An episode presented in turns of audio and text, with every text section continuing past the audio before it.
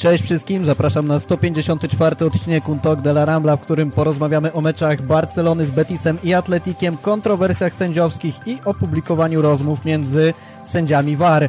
Dziękujemy za wszystkie subskrypcje. Od początku roku powitaliśmy 53 nowych widzów, także bardzo serdecznie dziękujemy za Wasze zaufanie.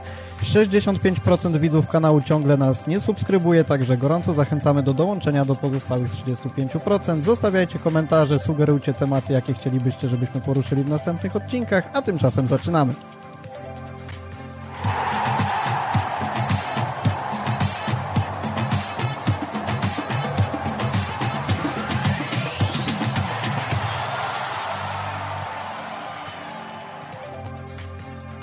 Wyjątkowe tematy, wyjątkowe wydarzenia wymagają wyjątkowej ekipy, także dzisiaj jesteśmy we trójkę. Maciek Miko po urlopowym wypoczynku, siemanko.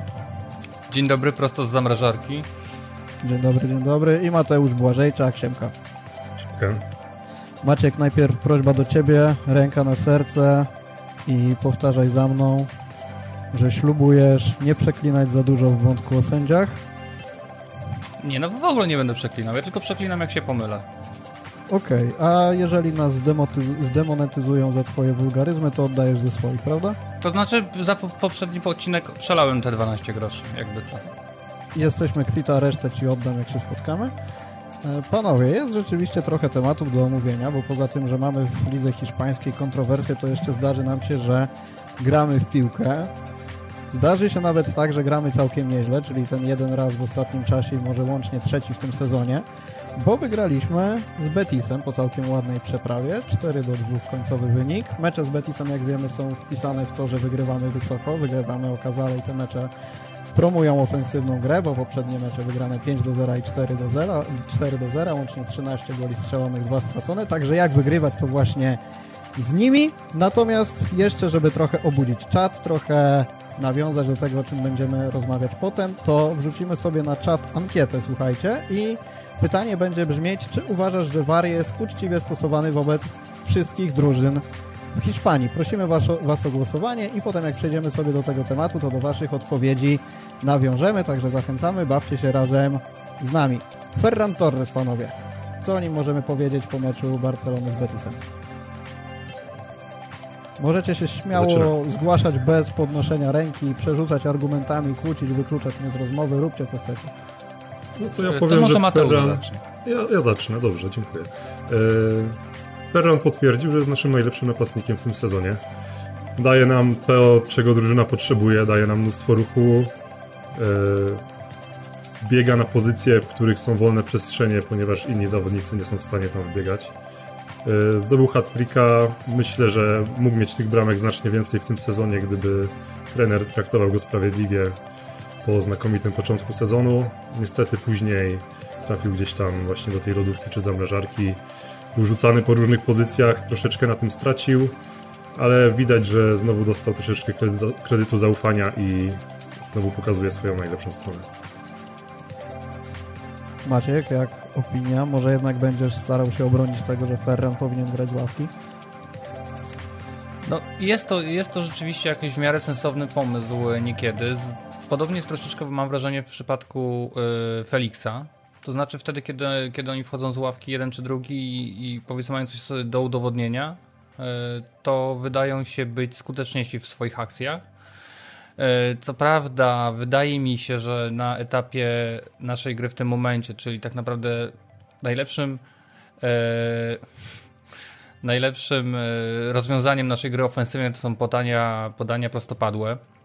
No to generalnie powinniśmy opierać grę z przodu o zawodników, którzy na to wolne pole potrafią wyjść. E, I, I wydaje mi się, że optymalnym zestawieniem w tym momencie byliby to zawodnicy Felix, Ferran i, e, i Lamin.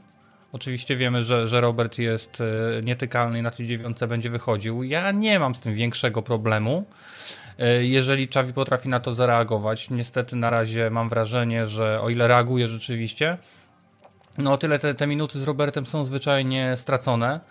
E, Co prawda potrafił powalczyć w meczu niedawnym z, na Mames, o tą piłkę. No, to też jest ważny, ważny element, tego też często brakuje. Też mu zarzucamy, że on do, do, tego końca nie walczy, że on do tego presu nie biega. No tutaj zawalczył i się to opłaciło, natomiast no, nie bierzemy pod uwagę tego, co mogłoby się wydarzyć w, w ciągu tych 60 powiedzmy minut, które on ostatnio grywa. E, w tym czasie, kiedy go by nie było na boisku i tych okazji być może byłoby więcej. Więc ja generalnie jestem e, pro tego, żeby Ferran grał na dziewiątce i dostawał swoje szanse regularnie, bo też e, chciałbym to sprawdzić, jak to wygląda. No nie można e, oceniać tego wszystkiego na bazie jednego meczu na przykład z Betisem, drugiego z Bilbao, dwa różne mecze, kompletnie inne systemy rywali, inna gra, inne warunki. Yy, dlatego chciałbym jeszcze tego Ferrana na tej dziewiątce pooglądać od pierwszej minuty, ale właśnie z zawodnikami, którzy też tą piłkę na to wolne pole mogą zagrać. Dlatego dla mnie taki yy, pograć trzy mecze Felix, yy, Ferran, na przykład Lamin od pierwszej minuty, to byłby fajny test, żeby sprawdzić na czym my właściwie stoimy, bo my cały czas liczymy na tą drużynę bez lewego na ten moment, że uda nam się może go sprzedać, może uda nam się go pozbyć, a nie mamy w ogóle przetestowanego, przetestowanej sytuacji, kiedy on tych meczów nie rozpoczyna regularnie. Jak to wszystko będzie wtedy wyglądało? Czy to będzie wyglądało lepiej faktycznie, czy, czy może wcale niekoniecznie? Jeszcze pozostając przy temacie Ferrana, to muszę wam powiedzieć, że sprawdziłem sobie z ciekawości na Transfermarkcie, ile hat-tricków zdobył, bo tak dosyć szerokim echem poszło, że zabrał piłkę do domu, bardzo ładnie podpisaną przez wszystkich zawodników. I okazuje się, że to jest jego pierwszy hat-trick w Barcelonie, to wiemy, natomiast dopiero drugi w karierze klubowej. Dorzucił jeszcze jeden w reprezentacji w listopadzie 2020 z, w meczu z Niemcami i generalnie 50 gol w ogóle w piłce klubowej, także my o nim dużo mówimy, dużo się o nim rozmawia w kontekście zdobywania bramek, natomiast te liczby nie są aż tak wywindowane jeszcze, jak można byłoby się spodziewać, przynajmniej porównując do skali rozmów o tym młodym ciągle napastniku, ale jednak Rakun co prawda uznało go za gracza meczu, ale oficjalnym wyborem La Ligi był Isco. Dwie bramki dla Betisu, dwie bardzo ładne bramki dla, dla Betisu, którymi przywrócił drużynę z Andaluzji do życia w tym spotkaniu i trochę być może napędził nam stracha. Natomiast czy wybór słuszny i czy my jesteśmy w stanie jakkolwiek ten wybór Isco na MVP obronić? A propos Ferrana, to kolejny hat-trick pewnie nie, dopiero nie, po wydaje zmianie mi się, klubu. Że, tak? że skoro strzela po jednym hat-tricku w, w każdym klubie, w którym grał i w każdej reprezentacji, a ma tylko jedną. E, a co do MVP zawodnika meczu, no to generalnie decyzja niezrozumiała, bo skoro zawodnik strzela hat-tricka, dokłada asystę, wygrywa mecz, co jeszcze może więcej zrobić, e, żeby wyprzedzić kolejnego zawodnika na boisku, a myślę, że Isco zasłużył, ale na miano numeru dwa tego meczu, a, a nie na MVP. Panie Maczku? Ja mam problemy trochę z dźwiękiem e, odbiorczym, że tak powiem, i mi e, to, co Mateusz mówi, strasznie zacina i nie wiem, kiedy, kiedy zaczyna, kiedy kończy i co mówi do końca.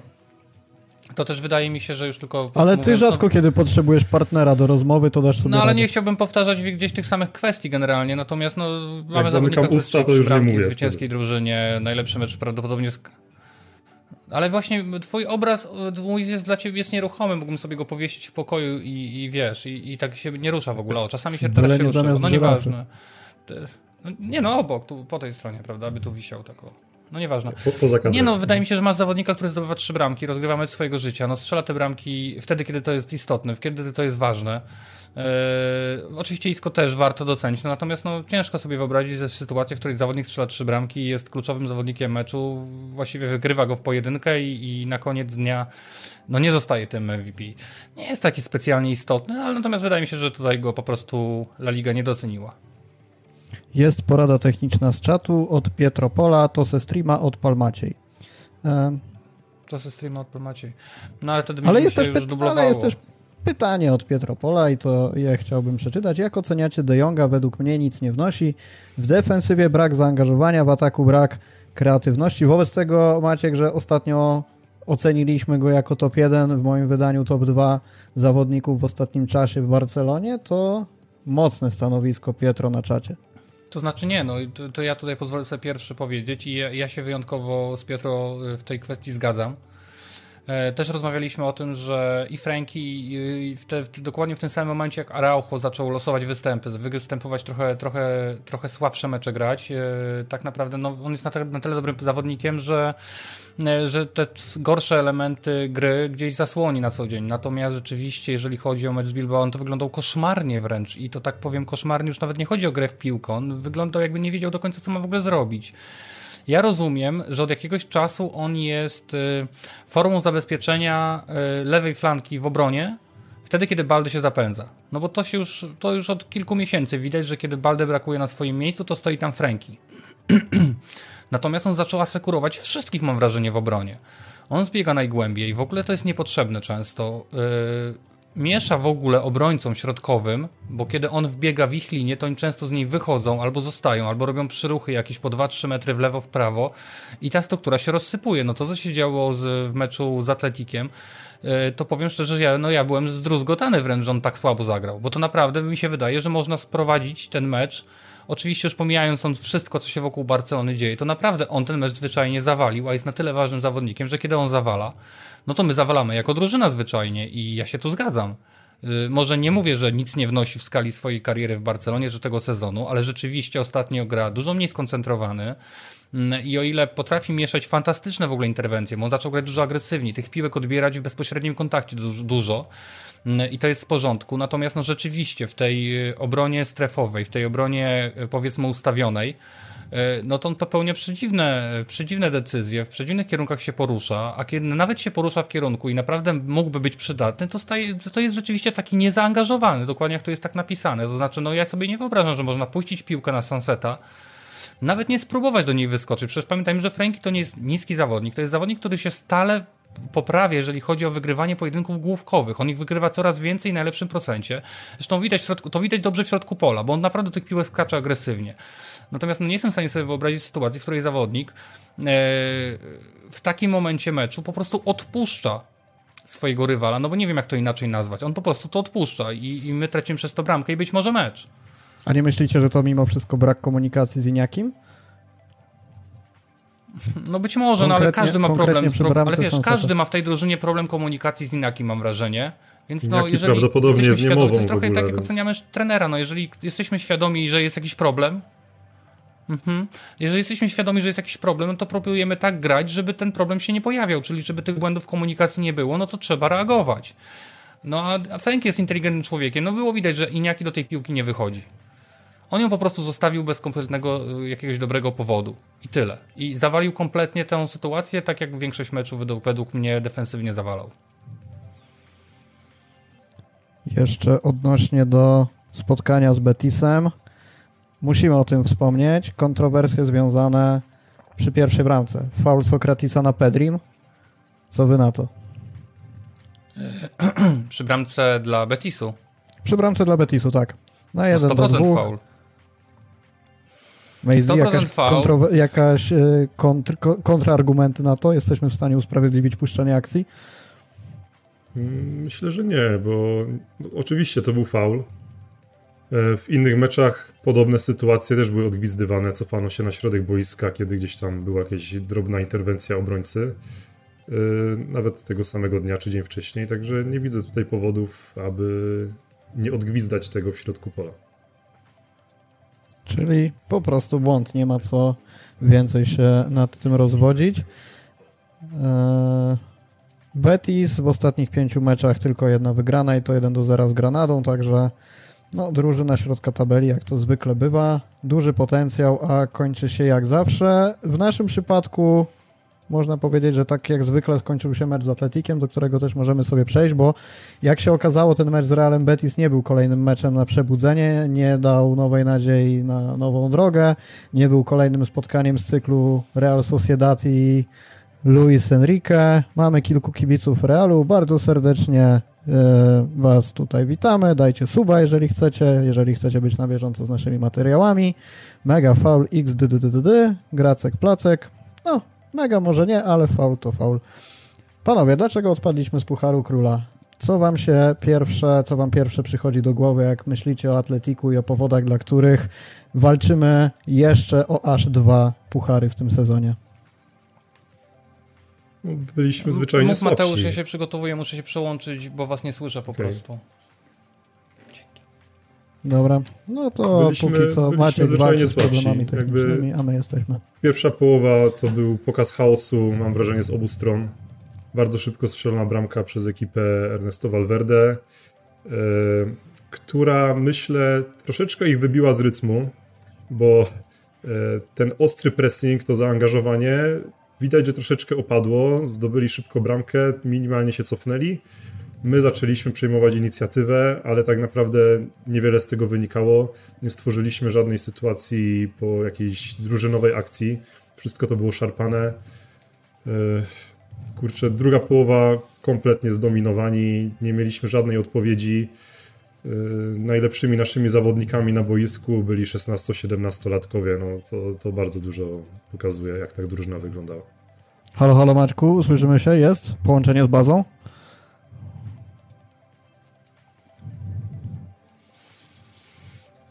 Takie Tak, 2 ja, na ja, was, 10. ja was słyszę, po prostu mam lekkiego laga. Ja Dobra. was słyszę, mam lekkiego laga, więc będę tak reagował, bo się przełączyłem rzeczywiście na tego streama, bo chociaż słyszę, co Mateusz mówi. No, walczymy jak E, możemy. To powiedz, to, to powiedz, jakie według E, ciebie powody to znaczy, no, odpadnięcia z Pucharu Mecz Króla? w ogóle z e, Bilbao strasznie mnie zasmucił tak naprawdę, bo to jest drużyna, którą my doskonale znamy, którą doskonale znają wszyscy, wiedzą jakie są jej przewagi, jakie są jej e, mankamenty, gdzie ich można ugryźć i wydaje mi się, że było bardzo dużo okazji takich, żeby, żeby faktycznie ich ugryźć. W ogóle bardzo dobry ruch do piłki wykonuje Hector Ford. Zauważyłem, że on za tym swoim podaniem cały czas idzie do przodu i kilka razy można było mu odegrać piłkę na wolne pole, nikt tego nie robił. E, trochę to jest martwiące. No było kilka okazji przez środek. No były te piłki tak naprawdę, z którymi można było grać. Natomiast to się, to, te piłki się nie wydarzają. Natomiast no każda nasza strata, no po prostu każda strata od razu rodziła e, jakiś szybki atak e, Atletiku. Oczywiście ich jedyną broń i najbardziej popularną broń na wszystko, e, na wszystkie, na wszystkie mecze. E, A my generalnie na, to nie reagowaliśmy. No, wiedzieliśmy o tym, że e, grają dużo całych fragmentów gry, e, a tych piłek nie umiemy wybić. No, ja rozumiem, że Iniaki ma problemy na przedpolu, ale jeżeli przed takim meczem nie jest poinstruowany, że do piłek po prostu trzeba wychodzić zdecydowanie i je wybijać z pola karnego, tylko stoi zamurowany w bramce, no, nie wiem z czego to wynika. Można mówić, że to są piłkarze, którzy nie rozumieją tego, co się do nich mówi. Pytanie, czy się do, do nich to mówi, no, bo, bo no ja czasami nie mogę zrozumieć, jak mamy czasem tak samo, boczne strefy, które są przewagami Bilbao, no u nas, mimo że były podwajane, nawet potrajane, nie przynosiło to żadnego efektu, nie ma żadnej intensywności, my nie jesteśmy w stanie rywalizować fizycznie z drużynami. W połowie Jest sezonu takie pytanie zupełnie, na czacie, nie uważacie, że wy wyglądacie bardzo słabo fizycznie?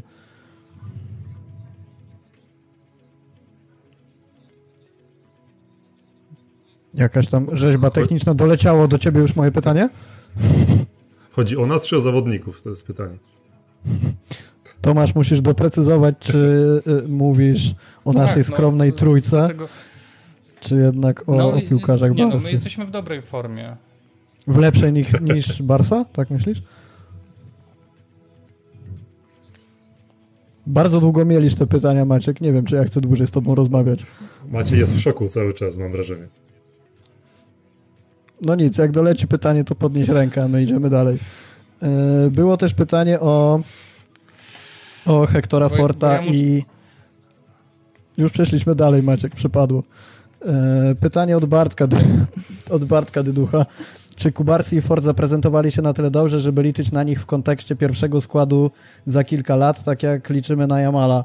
Porozmawiajmy sobie może nie w kontekście za kilka lat, bo my tutaj nie za bardzo wiemy, co się wydarzy za 2-3 tygodnie i, i ciągle nie wiemy, jak będzie wyglądać sytuacja z trenerem, bo wiemy też, że już prawie zatrudniliśmy Jurgena Kloppa, jak się okazuje po dzisiejszym jego ogłoszeniu odejścia z Liverpoolu. Natomiast tak w kontekście tych następnych tygodni, jak widzicie rolę tych młodych zawodników e, w Barcelonie i, i na ile Xavi będzie potrafił wykorzystać ich potencjał, bo to też jest taki zarzut w jego stronę, że korzysta z młodych wtedy, kiedy są jedyną opcją, jedyną alternatywą dla kontuzjowanych, a być może coś przes- przeskoczyło trenerowi Barcelony i teraz będzie chętniej wykorzystywał tych młodych piłkarzy. Wiesz, już, y, już liczyliśmy w kontekście kilku lat na Balde, Gaviego, Pedriego, Ansu. Y, No, nie można tak daleko wybiegać w przyszłość na pewno. Y, Jeżeli chodzi o Kubarskiego i Forta, no, chłopacy znakomicie wyglądali w młodzieżowej kadrze, bardzo dobrze też prezentowali się w Barcelonie B czy w Juvenilu. myślę, że powinni być powoli wprowadzani wtedy, kiedy są potrzebni, ale nie możemy ich rzucać na głęboką wodę.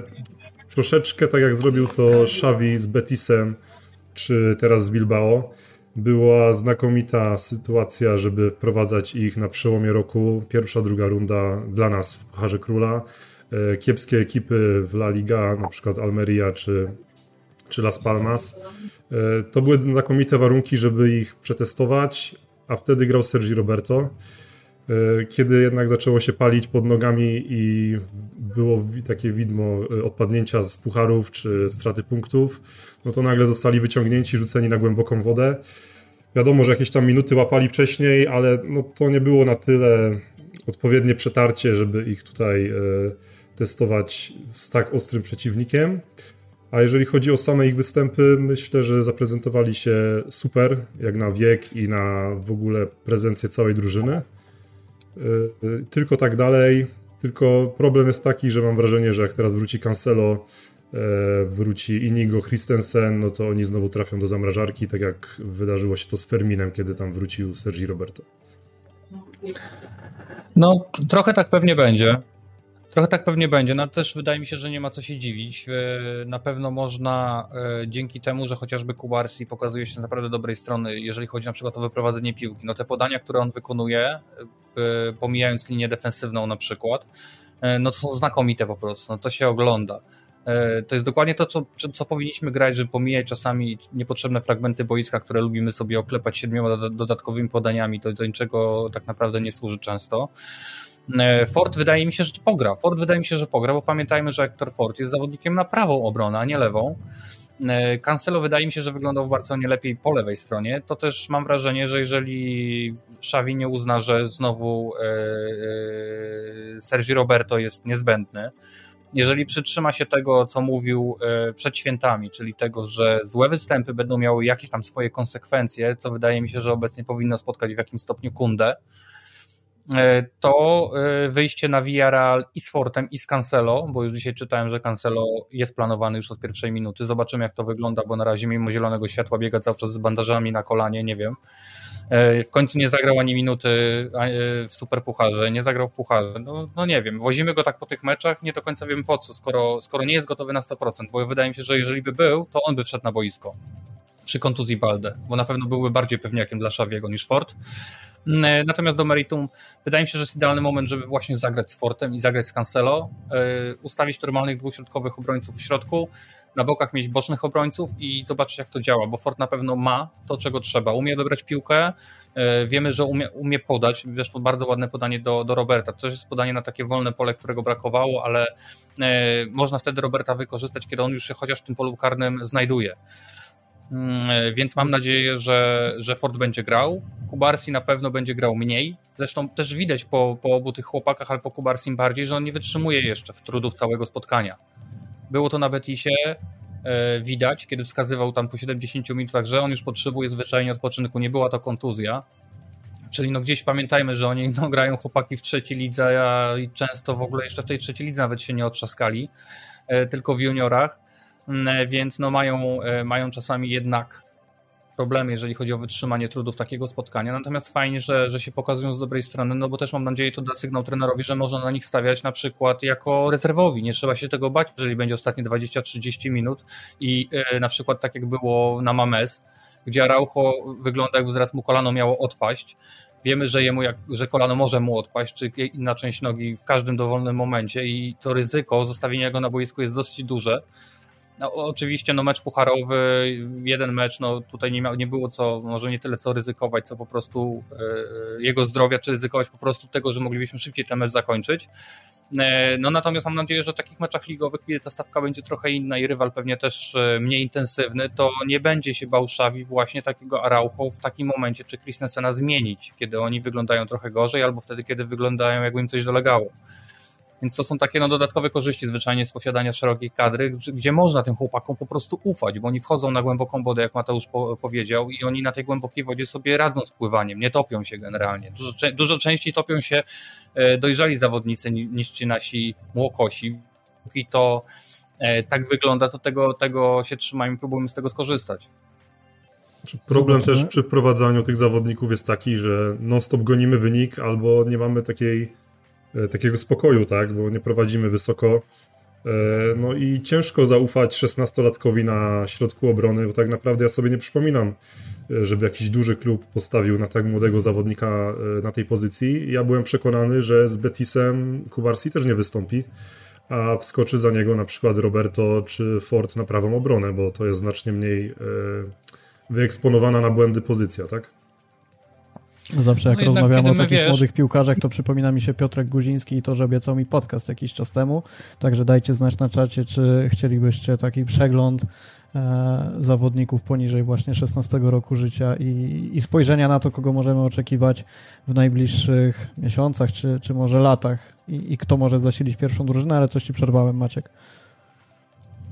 Nie, nie, to tylko chciałem właśnie na, na, nawiązać do tego, co mówił Mateusz, a teraz zapomniałem już, co mówił, więc, e, więc powiem tylko jeszcze coś, czego chyba nie powiedziałem wcześniej, a propos liczb Ferrana, to też zwróćmy uwagę, że wszystkie te liczby piłkarzy są budowane na e, meczach ze słabiakami, które są wygrywane po 5-0 z reguły. Jeżeli my z każdym wygrywamy jedną bramką i to ledwo, no to ciężko budować zawodników, jeżeli chodzi o statystyki. I dlatego ja rozumiem, że jeżeli Ferran nawet potrafi strzelić bramkę, znaczy rozumiem to może złe słowo, ale gdzieś staram się zrozumieć, że Ferran strzela bramkę na przykład na stadionie trzecio czy czwartoligowca, to, to że, że jest nią podgrzany tak, jakby ją strzelił w lidze. E, bo rzeczywiście te bramki na tyle rzadko wpadają w ogóle, że ci piłkarze się z nich autentycznie cieszą, a tak naprawdę powinni je zlewać, bo my powinni mieć ich po prostu dużo więcej, już nie powinny być dla nich takie istotne. A my liczymy dosłownie bramka do bramki, niezależnie gdzie, kto i jak ją strzeli. Ale przyznaj, że uciszanie trzecioligowca i, i trybun trzecioligowca to jest coś, co przejdzie na pewno do, do historii. To może nie, ale będziemy to wspominać myśląc o tym sezonie. No, kuriozum. Ja już Generalnie... o tym zapomniałem, jak mam być szczery. A propos statystyk, to myślę, że Ferran w meczu z Betisem zdobył 30% y, jakby punktacji z całego sezonu dotychczasowego, tak? Bo zdobył tam gdzieś 4 punkty do Kanadyjki. A no to może troszeczkę przesadziłem, pewnie ma około 15 z asystami. E, więc no, faktycznie, tak jak powiedział Maciej, jednym meczem można tutaj dużo zbudować. I z tego co pamiętam, to Robert w pierwszym meczu z Betisem też tam miał bodajże bramkę i trzy asysty. Także podobny przypadek. A ja mam tu cytat z twojego artykułu, że e, udziały przy bramkach e, włączając w to również asysty drugiego stopnia, to 19 w porównaniu do 21 Roberta Lewandowskiego, także zbliża się do tak. czołówki, ale mam też... asyst drugiego stopnia teraz. Aha, czyli tylko asysty i... okej. Okay. Tak, tak. tak. E, dobra, ale mam też jeszcze jedną rzecz zapisaną, którą udostępniłeś na Twitterze w kontekście meczu z Bilbao że Barcelona ma problem z radzeniem sobie w przypadku, kiedy drużyna przeciwna ma bardzo dynamicznych, ruchliwych, umiejących dryblować skrzydłowych. I to jest taki wniosek, który też myślę, że warto, żebyś rozwinął teraz, bo e, dosyć unikatowa opinia, która jest bardzo trafna. Jeszcze nie widziałem, żeby gdziekolwiek padła tak i odbiła się szerszym echem. No tak, zwróćmy uwagę, z iloma e, klasowymi lewo, lewoskrzydłowymi mierzyliśmy się w tym sezonie. Tak Vini, naprawdę był to Vini, Nico, e, Brian Zaragoza pewnie, mhm.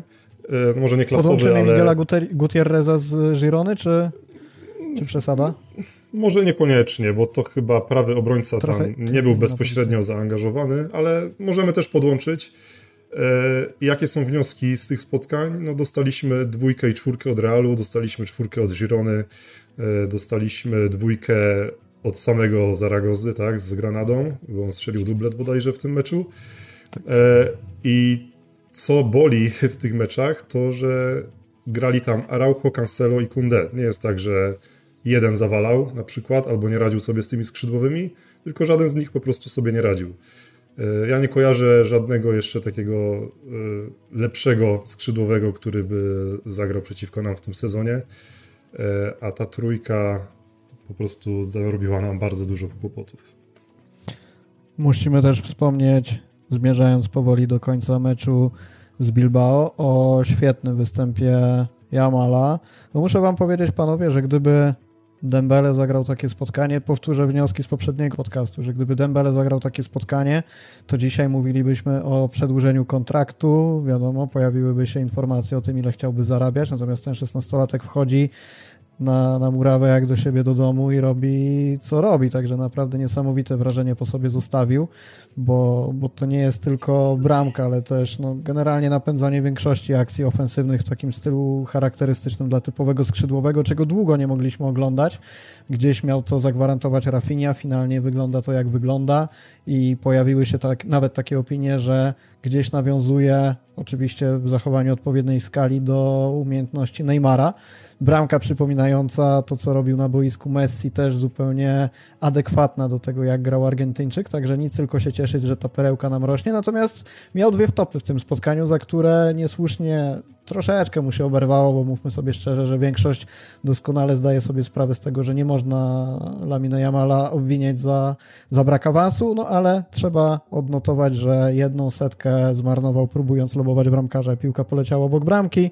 Raz bramkarza co prawda położył, ale po uderzeniu prawą nogą piłka przeleciała nad bramką, więc e, nie zagłębiając się jakoś bardzo w analizę tych okazji, e, skupmy się na tym, co zrobił potem, czyli przeprosił kibiców i co wy o tym sądzicie? Czy to nie jest w waszej opinii nadmierna reakcja na to spotkanie i nie świadczy o tym, że trochę zaczyna mu doskwierać presja i czuł się w obowiązku, żeby już na wczesnym etapie przepraszać kibiców za coś, za co w mojej opinii nie powinien. Słuchaj, on z Bilbao był zawodnikiem, który ciągnął tę ekipę i chyba poczuł jakąś odpowiedzialność na sobie. Oczywiście, że dwie sytuacje zmarnował, e, ale nie zapominajmy, że jedną sam sobie wypracował pressingiem i odbiorem. Oczywiście potem gdzieś tam sobie nie poradził z tą sytuacją. E, no, dwukrotnie miał piłkę na prawej nodze i to tutaj spowodowało pewnie, e, że piłka nie trafiła do siatki. A co do samych przeprosin, no to gdyby tak zawodnicy mieli reagować, to po każdym meczu Barcelony powinniśmy mieć co najmniej kilka e, takich przeprosin, nie wiem, czy od Rafini, czy od Roberta, czy od João Felixa, którzy mnóstwo sytuacji marnują i no, z ich ust brzmiałoby to normalniej niż z ust szesnastolatka. E, myślę, że zbyt się tym przejął, ale oczywiście no to jest taki jego, taka jego pierwsza porażka, można powiedzieć, gdzie on faktycznie mógł się poczuć urażony, e, a czy urażony, mógł się poczuć, że zawalił, tak, że nie pomógł drużynie, mm, ale myślę, że wyciągnie e, jakieś tutaj, wyciągnie na przyszłość dobre wzorce i, i pójdzie dalej. No, ja bym chciał zwrócić uwagę na to, w sumie co doprowadza do sytuacji, w której taki 16, niespełna 17-letni zawodnik w ogóle jest w stanie żyjąć sobie, włożyć do głowy, że on jest za cokolwiek odpowiedzialny. Czyli wydaje mi się, że też musi być to efektem jakiegoś może napięcia na przykład w szatni, czy, czy może w ogólnego napięcia, gdzie brakuje tego wyniku i młody zawodnik, który przecież w żaden sposób, no nie oszukujmy się, on nawet nie jest członkiem pierwszej drużyny, prawda? No, czyli jak ma odpowiadać za jej wyniki? Mm, I młody zawodnik, e, który i tak gra absolutnie ponad stan, no jest e, już na ustach całego świata, e, bierze tą odpowiedzialność na siebie w jakimś stopniu, no ale coś z reguły do tego go musiało popchnąć. No nie, nie, sądzę, żeby on sobie tak siedział i rozważał i tak dalej. No musi to być efekt jakiejś silniejszej emocji, być może to tylko mecz i, i moment, że tak powiem, te, że zepsuł je akurat wtedy, kiedy no można było ten mecz zamknąć i, i iść dalej.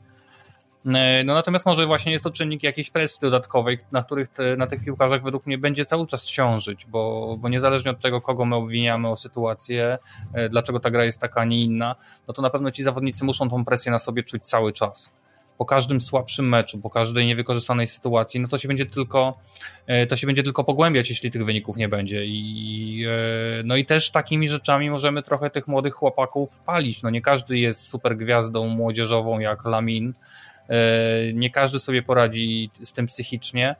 Mm, no zobaczymy, jak to się będzie rozwijać, no ale na pewno trzeba pracować nad zdejmowaniem presji w ogóle z takich zawodników w całości, prawda? Czyli, czyli żeby oni mieli świadomość tego, że oni tu grają dlatego, że się wyróżniają, e, no ale nie są za tą drużynę odpowiedzialni. To jeszcze krótko na temat Pucharu Króla. My nie wygramy na pewno, ale są drużyny, które o zwycięstwo powalczą. Real Sociedad wygrał Celtą, Majorka wyeliminowała Gironę, chociaż tam walka była do samego końca i powiem wam, że jakby ta bramka na 2 do 3 wpadła, no tak z 5-10 minut wcześniej, to ja bym nie miał wątpliwości, że Girona jeszcze coś wciśnie i będzie dogrywka. Atletico pokonało Sevillę i my wiadomo dostaliśmy w łeb od Atletiku. Kto waszym zdaniem zmierza po złoto, bo półfinały też już znamy, Real Sociedad z Majorką i Atletico z Atletikiem.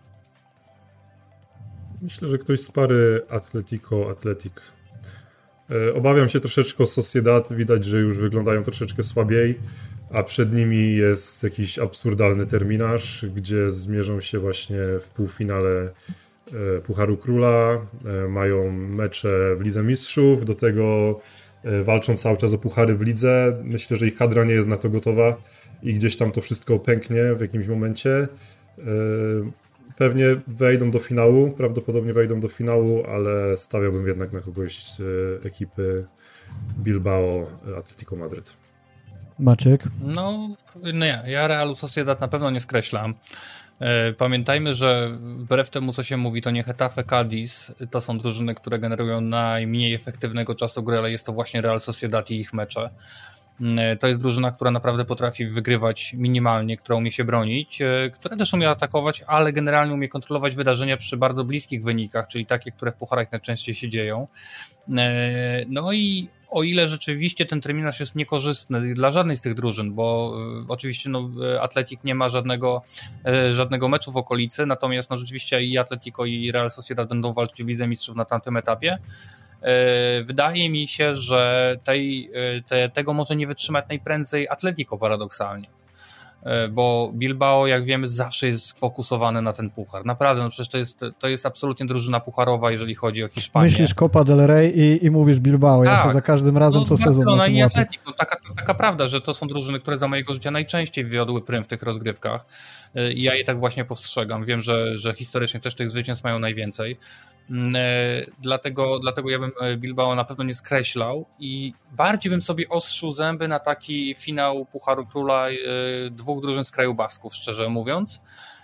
Dużo bardziej niż na mecz Real Sociedad z Atletico, no bo to, że Majorka w tym finale nie wystąpi, no to mam po prostu głęboką nadzieję, no bo Majorka, no mówiąc delikatnie, nie jest to zbyt ekscytująca drużyna i wydaje mi się, że spotkałaby się z takim finale, na przykład z Atletico, to nawet nie byłoby po co go wyłączać za bardzo.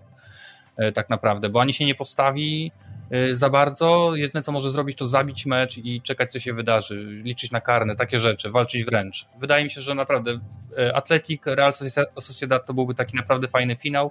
Zresztą wspominam ten finał Bilbao z Betisem sprzed dwóch lat, który też był bardzo ciekawy. Tam doszło do rzutów karnych, zresztą rzuty karne zakończył Juan Miranda, jak się nie mylę wtedy, dla Betisu.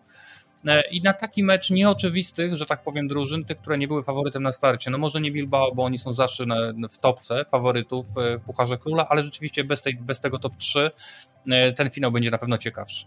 Chyba pierwszy raz, jak przenosisz się w przeszłość więcej niż dwa tygodnie, to wiem, o czym mówisz i coś pamiętam. Słuchajcie. Pamiętajmy, no, ale... że Atletico gra jeszcze z Interem, tak? Też tak. oni w ciągu dwóch tygodni mogą skończyć sezon tak naprawdę. No tak, właściwie to wszystkie te drużyny, i, dla wszystkich drużyn, tak samo jak dla Barcelony, no to, to, to jest ten okres, kiedy tak naprawdę można e, wszystko stracić, no bo wiadomo, że nie da się wszystkiego wygrać, no bo to jeszcze nie ten etap, ale stracić można wszystko już w ciągu miesiąca najbliższego. Myślę, że ja paradoksalnie wszystko... to jest najlepsze losowanie dla nas w kontekście walki gdzieś tam ligowej, tak? Bo naprawdę Bilbao mhm. i Atletico no, będą się musiały mocno wykrwawić w tym pojedynku. A i Girona wydaje się trochę słabność. Mi też się wydaje, że Gironie nie starczy kadry zwyczajnie na, na, na całe rozgrywki, żeby tak, tak ciągnąć zwyczajnie. No przyjdzie w końcu jakaś kontuzja, przyjdzie jakiś uraz, w, w, przyjdą jakieś zawieszenia e, i od razu widać, że jakim trochę mecz nie podejdzie, tak jak z Majorką, się dla nich źle rozpoczął ten mecz.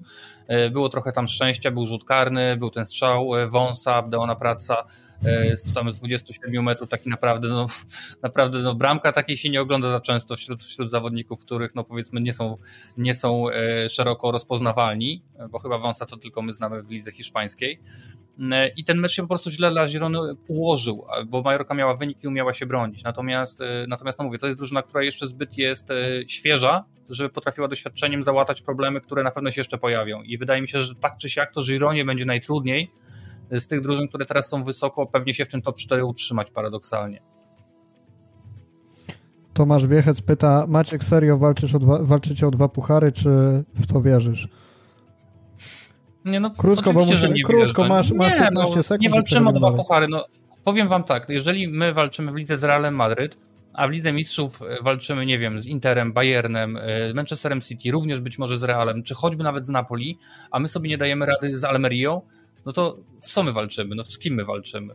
My najpierw powalczymy ze średniakami hiszpańskimi na poważnie, a potem będziemy gadać o, o walce z najlepszymi drużynami w Europie przechodzimy do tego, po co tu się zebraliśmy, bo gdybyśmy chcieli rozmawiać o piłce, to moglibyśmy w zasadzie podać sobie ręce i, i zakończyć ten podcast, a teraz wypadałoby go zacząć tak naprawdę na nowo. Mamy na czacie ankietę odnośnie do waru, podejrzałem sobie w wyniki, jak się obecnie kształtują i na pytanie, które brzmi, czy uważa, że, że VAR jest uczciwie stosowany wobec wszystkich drużyn w Hiszpanii, 33% ankietowanych odpowiada, że tak, natomiast zdecydowana większość, 67% odpowiada, że nie. I w związku z tym przechodzimy sobie do meczu, który był bardzo szeroko komentowany w kontekście Waru, Real Almeria. Almeria prowadziła do przerwy 2 do 0, by finalnie w okolicy setnej minuty dostać bramkę na 3 do 2 i to spotkanie przegrać. Natomiast o ile sam wynik nie jest jakimś wielkim zdziwieniem, bo wiemy jak to jest w przypadku Realu i że nigdy nie ma gwarancji tego, że ta drużyna przegra, nie wiadomo ile musiałoby przegrywać i jaki być wynik, żeby zagwarantować sobie przed zakończeniem 90 minuty zwycięstwo przez drużynę przeciwną, to te kontrowersje odbiły się bardzo w mediach i ocenimy sobie te trzy, tak, kluczowe, w których VAR interweniował, czyli mamy 56 minutę, interwencję VAR, kiedy Real otrzymał rzut karny, piłka po dośrodkowaniu trafia w rękę obrońcy walczącego o pozycję, tam, czyli ręka Kajkiego. On walczył z Hoselu, jednocześnie przed nim był ustawiony Rudiger, natomiast sędzia dyktuje rzut karny, na bramkę zamienia go Bellingham i oddaję wam głos. Jakie jest wasze stanowisko w tym temacie? Czy słusznie, czy niesłusznie? Co poszło tak, co poszło nie tak? Jak wy byście zrobili, jak zagwizdali? To jest kącik Macieja, czy mogę się też wypowiadać? Nie wiem. Nie, mów Mateusz, ja zbieram możesz, na razie. Możesz, ale nie za dużo. tak, tak, żeby ta, ta, tak, żeby te luźne 40 minut Maciek dla siebie miał i zdążył kluczowe wnioski krótko podsumować. No co do pierwszej sytuacji, to nie ma wątpliwości, że tam było zagranie ręką, więc jeżeli o to chodzi, to sędzia miał prawo podyktować tę jedenastkę, nie ma, nie ma najmniejszych wątpliwości. E, ale zwróćmy uwagę, co się działo przed tym zagraniem ręką e, i myślę, że tam był fal w ataku Rudigera. E, zawiesił się na interweniującym albo na próbującym interweniować obrońcy, uniemożliwiając mu tym samym wyskok do piłki, dojście do piłki. Według mnie to jest fal w ataku i sędzia powinien to cofnąć. No tutaj, y, tutaj właściwie jest pełna zgoda z Mateuszem. Zresztą jest takie bardzo ładne y, ujęcie z, z zapleców wszystkich, bo, bo większość tych powtórek było powiedzmy z kamery prowadzącej, czyli mamy ich powiedzmy przed sobą, bokiem, cokolwiek. Natomiast z tyłu było wyraźnie widać, że już jak piłka leciała w powietrzu, to obaj zawodnicy Realu, y, Rudiger i Hoselu kładą obie ręce na, na ramionach zawodników Almerii i po prostu z założenia już nie pozwalają im wyskoczyć. Kiedy oczywiście sami skaczą, no to już nie dość, że trzymają ich na ziemi, to po prostu skakują im na plecy. Yy, I powiem wam szczerze, że zupełnie serio, to gdyby na przykład w ogóle Hoselu na przykład do tej piłki nie skakał i został tylko Rudiger, to według mnie no w ogóle tej ręki by nie było. Bo yy, gdy rozpoczyna swój wyskok Kajki, to ręce ma normalnie ułożone w dole kiedy zostaje pchnięty w plecy, oczywiście ręce, on leci do przodu, ciało leci do przodu, to i ręce lecą, lecą do przodu i ta ręka po prostu, rzeczywiście ta piłka w tą rękę e, uderza. No natomiast pytanie jest takie, no bo e, sędzia z boiska gwiżdże rękę, prawda? I chce to sprawdzić, ok. E, natomiast no jeżeli on nie dostaje praw powtórki odpowiedniej, to znaczy powtórki, która by faktycznie pokazywała całą akcję, ja tylko przypomnę taką powtórkę niepełną, która nam kiedyś zrobiła kuku. To był mecz z Realu z Barceloną. E, pewnie pamiętacie taką sytuację, kiedy e, była tam Zaczyna się, Maciek 1 zaczyna zdanie od pamiętacie, to już jest... No, była, spróbujmy, była sytuacja na jeden sytuacja na 1-1 i było takie zamieszanie, gdzie Lengle się szarpał z Ramosem. I najpierw Ramos faulował na samym początku, kiedy, kiedy, kiedy ta akcja powiedzmy się zaczynała, kiedy ta piłka była w powietrzu, e, no a potem Lengle zaczął się odgryzać i go szarpał za koszulkę i, i wtedy, kiedy on go zaczął szarpać za tą koszulkę, to się Sergio Ramos rzucił w drugą stronę po prostu i ta koszulka się tak rozciągnęła i to było takie piękne zdjęcie, że ta koszulka jest taka rozciągnięta, że widać po prostu, że go trzyma. E, I sędzia wtedy ma, Martinez Monowera zresztą, czyli, czyli sędzia, który nam niedawno e, sędziował, też klasyk. E, I e, ten sędzia od razu mówi, tam jest wtedy też taki gdzieś słychać z boiska jego, że faul jest obustronny. I on tej sytuacji nie gwiżdże wtedy. On dostaje informację z VAR, że musi to sprawdzić, no bo jednak jest podejrzenie popełnienia faulu i rzutu karnego, prawda, za Lęgle i pozostaje tylko ten moment, w którym Lęgle trzyma koszulkę. Nie ma całości tej akcji, tylko dostał tylko i wyłącznie ten moment i oczywiście bazując na tym momencie, gdzie sędzia główny otrzymuje ten obraz, zresztą tak jak słyszę te rozmowy warowe, które teraz wyciekły, to ja miałem wrażenie, że ci sędziowie troszeczkę bardziej się dogadują. Wiesz, pokaż mi z przodu, pokaż mi z tyłu, chcę to zobaczyć. E, a tu wygląda na to, że sędzia war po prostu masz to i zobacz. Prawda? I pokazuje to, co mu się podoba. I wtedy, wtedy już nie pamiętam, kto był sędzią warowym, rzuca mu powtórkę tylko i wyłącznie tego, gdzie Lęgle trzyma za koszulkę. I to jeszcze taką sekundówkę, że wygląda jak stop klatka. No więc sędzia nie ma wyjścia. Oczywiście, że pokaże rzut karny. No, cały świat patrzy na tą powtórkę. No widzi, że go szarpie ten Lęgle za koszulkę. Pozostałej części już nie ma. E, tej powtórki, co się działo wcześniej, więc on ten faul gwizdże. Jeżeli, I to jest manipulacja powtórkami w systemie VAR.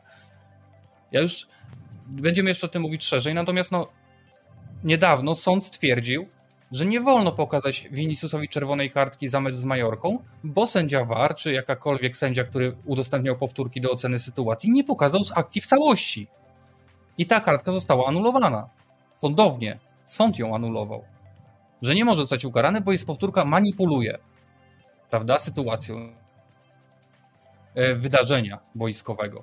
No to mamy dokładnie tą samą sytuację w tej sytuacji, w tej sytuacji sprzed kilku lat z Camp Nou, gdzie sędzia nie dostaje całej powtórki, całego zdarzenia i ocenia tylko i wyłącznie to, co chce, żeby, co chce sędzia VAR, żeby ocenił. No czy to nie jest manipulacja powtórką? Wiesz, bo to, bo to można każdą sytuację tak naprawdę, że tak powiem, okroić w przekazie. My też tych powtórek często nie widzimy.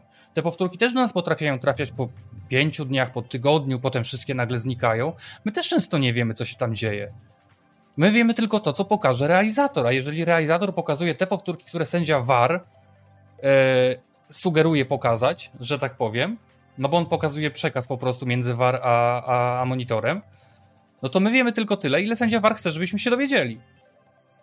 I tyle. I, a wiemy w tym meczu, że te, nie tylko w tej sytuacji, bo zaraz będziemy mówili o drugiej, że to jest po prostu manipulowany obraz. Zwyczajnie. No można, nie, ja nie twierdzę, że Real, za, że tak powiem, za tym stoi, to jest jakiś wielki spisek. Ja tylko stwierdzam, że sędzia pośrednio, bezpośrednio, przypadkiem czy specjalnie, nieważne, tak ukazuje sytuację, że nie da się zagwizdać jej uczciwie. I sędzia popełnia błąd. I ten sędzia jest w lodówce. Młody sędzia, bo to jest sędzia, który miał pierwszy mecz sędziował w lidze La Liga. On nam sędziował mecz y, tą czwartą ligą. Z Barbastro chyba, jak się nie mylę. Maeso sędzia. E, I tam też się pomylił przecież dwa razy. Bramka ręką strzelona. E, ta ze spalonego, tylko tam nie ma I, e, I to jest bardzo proste, bo masz młodego sędziego, któremu doświadczony sędzia, zresztą możemy od razu powiedzieć, pewnie już pamiętacie, ale i tak powiemy, że to jest sędzia H2, czyli Hernandez Hernandez, e, pan Rudy, który kiedyś nie zobaczył bramki z Betisem, prawda, metr w bramce. I, I mamy sytuację, w której sędziowie VAR decydują, co się dzieje w spotkaniu tak naprawdę. Oni go namawiają, żeby sprawdził to. On mówi, a co było wcześniej? On mówi, skup się na ręce. Tam są rozmowy audio-war, gdzie sędzia dosłownie kilka razy prosi o inną na przykład powtórkę. Już nie mówię, że przy tej sytuacji, e, bo już teraz nie pamiętam, czy to było pod kątem e, tej ręki Viniciusa, czy, czy tutaj zagrania tego faul. E, natomiast sędziowie, sędzia główny prosi wręcz dostać inną powtórkę, to nagle dostaje powtórkę z frontu na przykład i gdzieś tam z 17 piętra, gdzie nic nie widać. Ale a my te też... powtórki mamy w czasie rzeczywistym w internecie, rozumiesz? On tego nie dostaje, a my to widzimy już od razu siedząc w domu przed komputerem i to widzimy, oglądamy sobie to za chwilę. To to, o czym ty ma. mówisz, też podsumował Mateu Laos dla Movistaru, że sędzia główny powinien był poprosić o dużo więcej, żeby podać kontekst zagrania ręką i dla niego to nie jest rzut karny. W ogóle jak oceniacie wypowiedzi Mateu Laosa jako eksperta sędziowskiego, bo z jednej strony ja go pamiętam no powiedzmy sobie szczerze, jako jednego może nie z gorszych sędziów, ale wydającego jedne z najgorszych decyzji, próbując skupić na sobie obiektywy kamer, a z drugiej strony, no tutaj wypowiada się tak całkiem rozsądnie w kontekście tych trzech decyzji, o których będziemy za chwilę też rozmawiać, o pozostałych dwóch. Znaczy... Co innego zupełnie komentować mecze z perspektywy telewizora i kanapy, a co innego będąc na boisku, tak? On będąc na boisku kompletnie sobie nie rodził z emocjami, mam wrażenie, nawet jeżeli znał przepisy, to po prostu szwankowało coś innego w tym przypadku.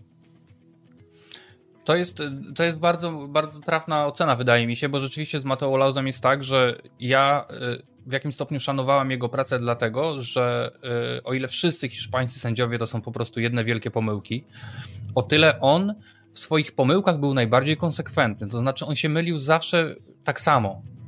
Nie było w jego pomyłkach widać y, jakiejś, nie wiem, sympatii do jednej drużyny albo antypatii do drugiej. On po prostu był beznadziejny dla każdego tak samo.